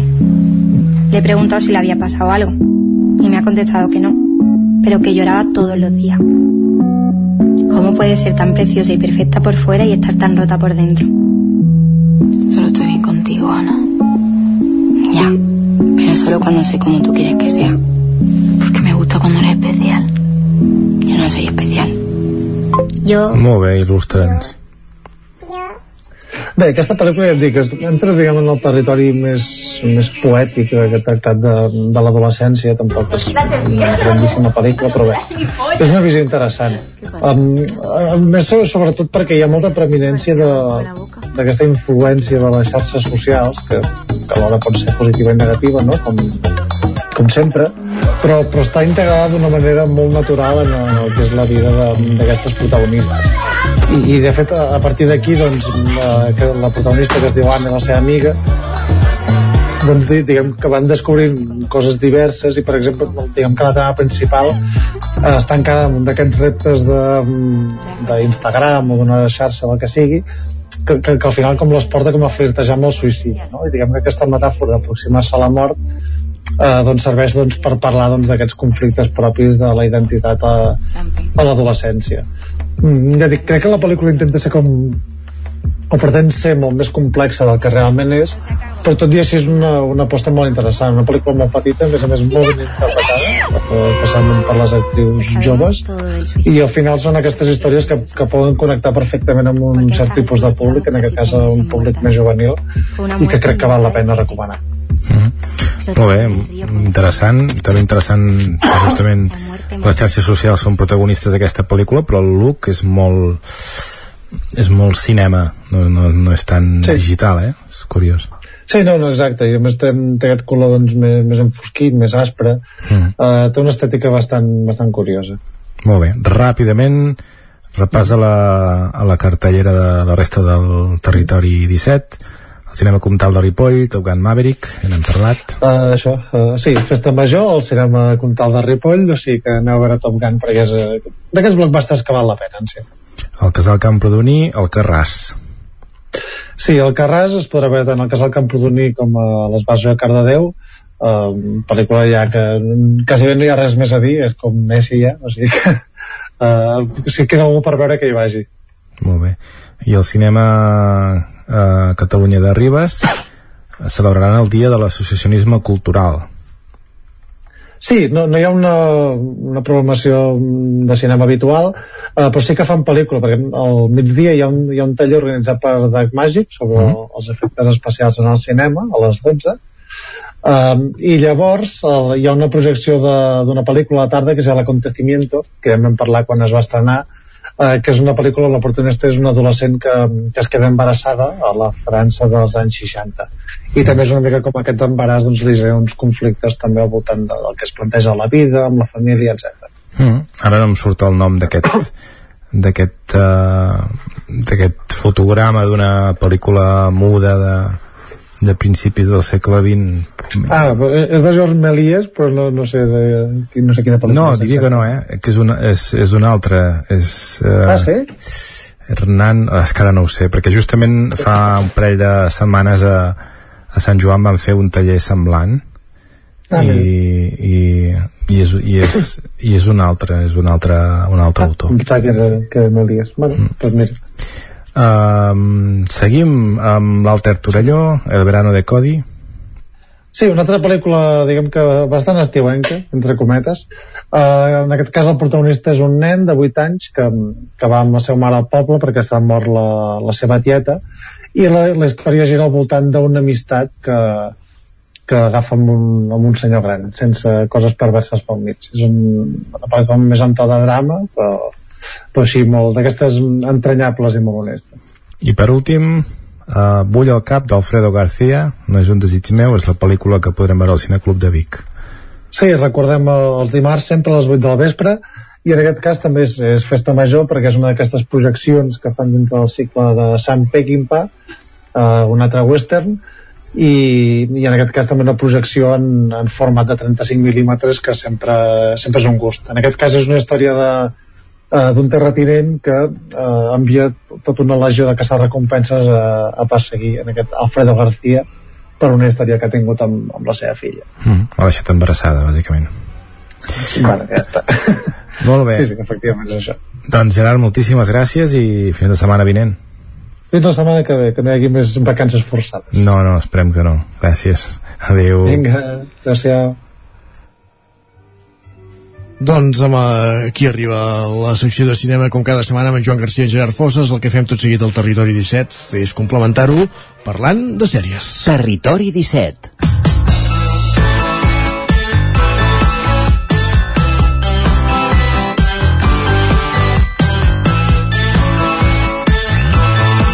i el que fem és escoltar recomanacions que ens puguin fer la Caral Campàs i l'Isaac Muntades Comen... bon dia a tots dos Bon dia.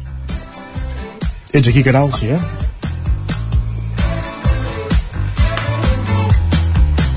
no rem la Caral eh, i si la rem telefònicament Caral, ets aquí?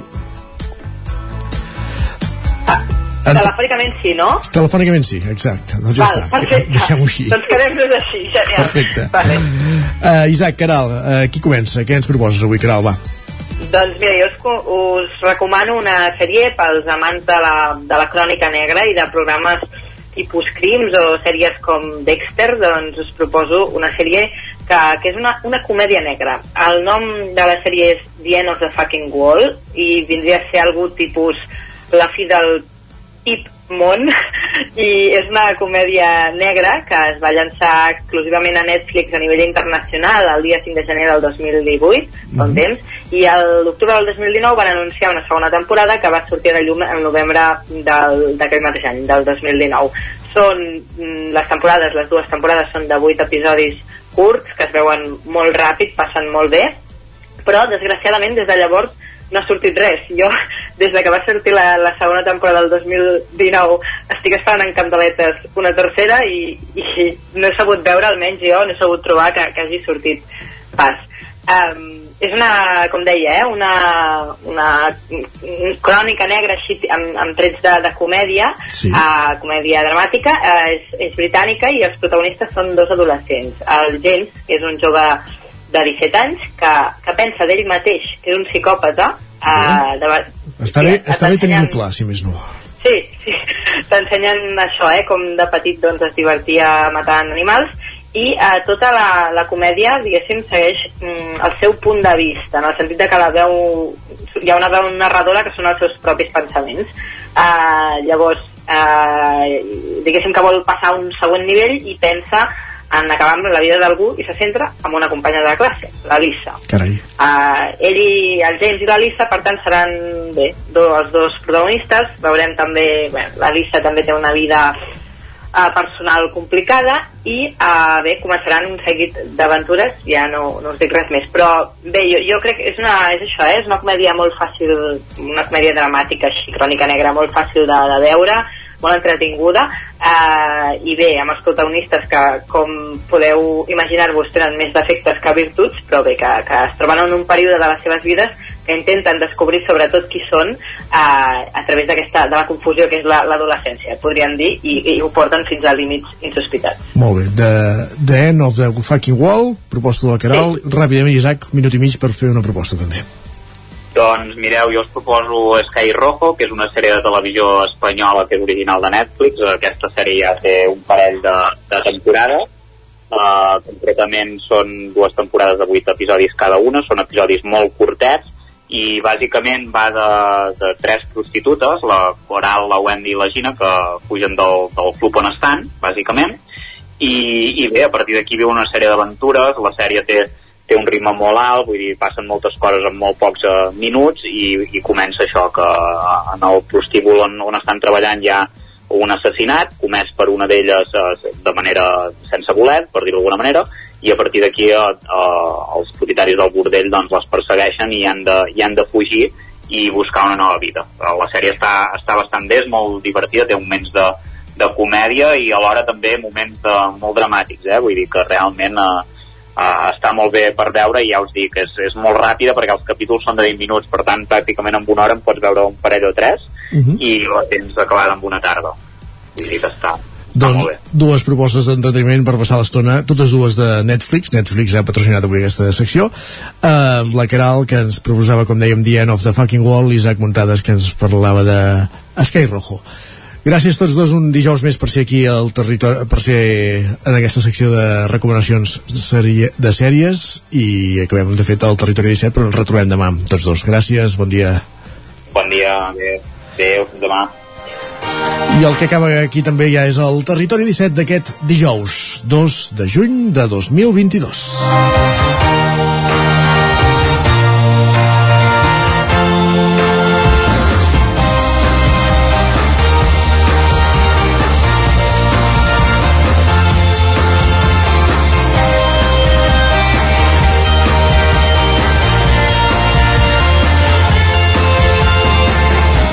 Us hem acompanyat des de les 9 del matí Pepa Costa, Guillem Sánchez, Isaac Muntades, Caral Campàs, Maria López, Òscar Muñoz, David Auladell, Jordi Soler, Gerard Fossa, Joan Garcia, Jordi Sunyer i Isaac Moreno.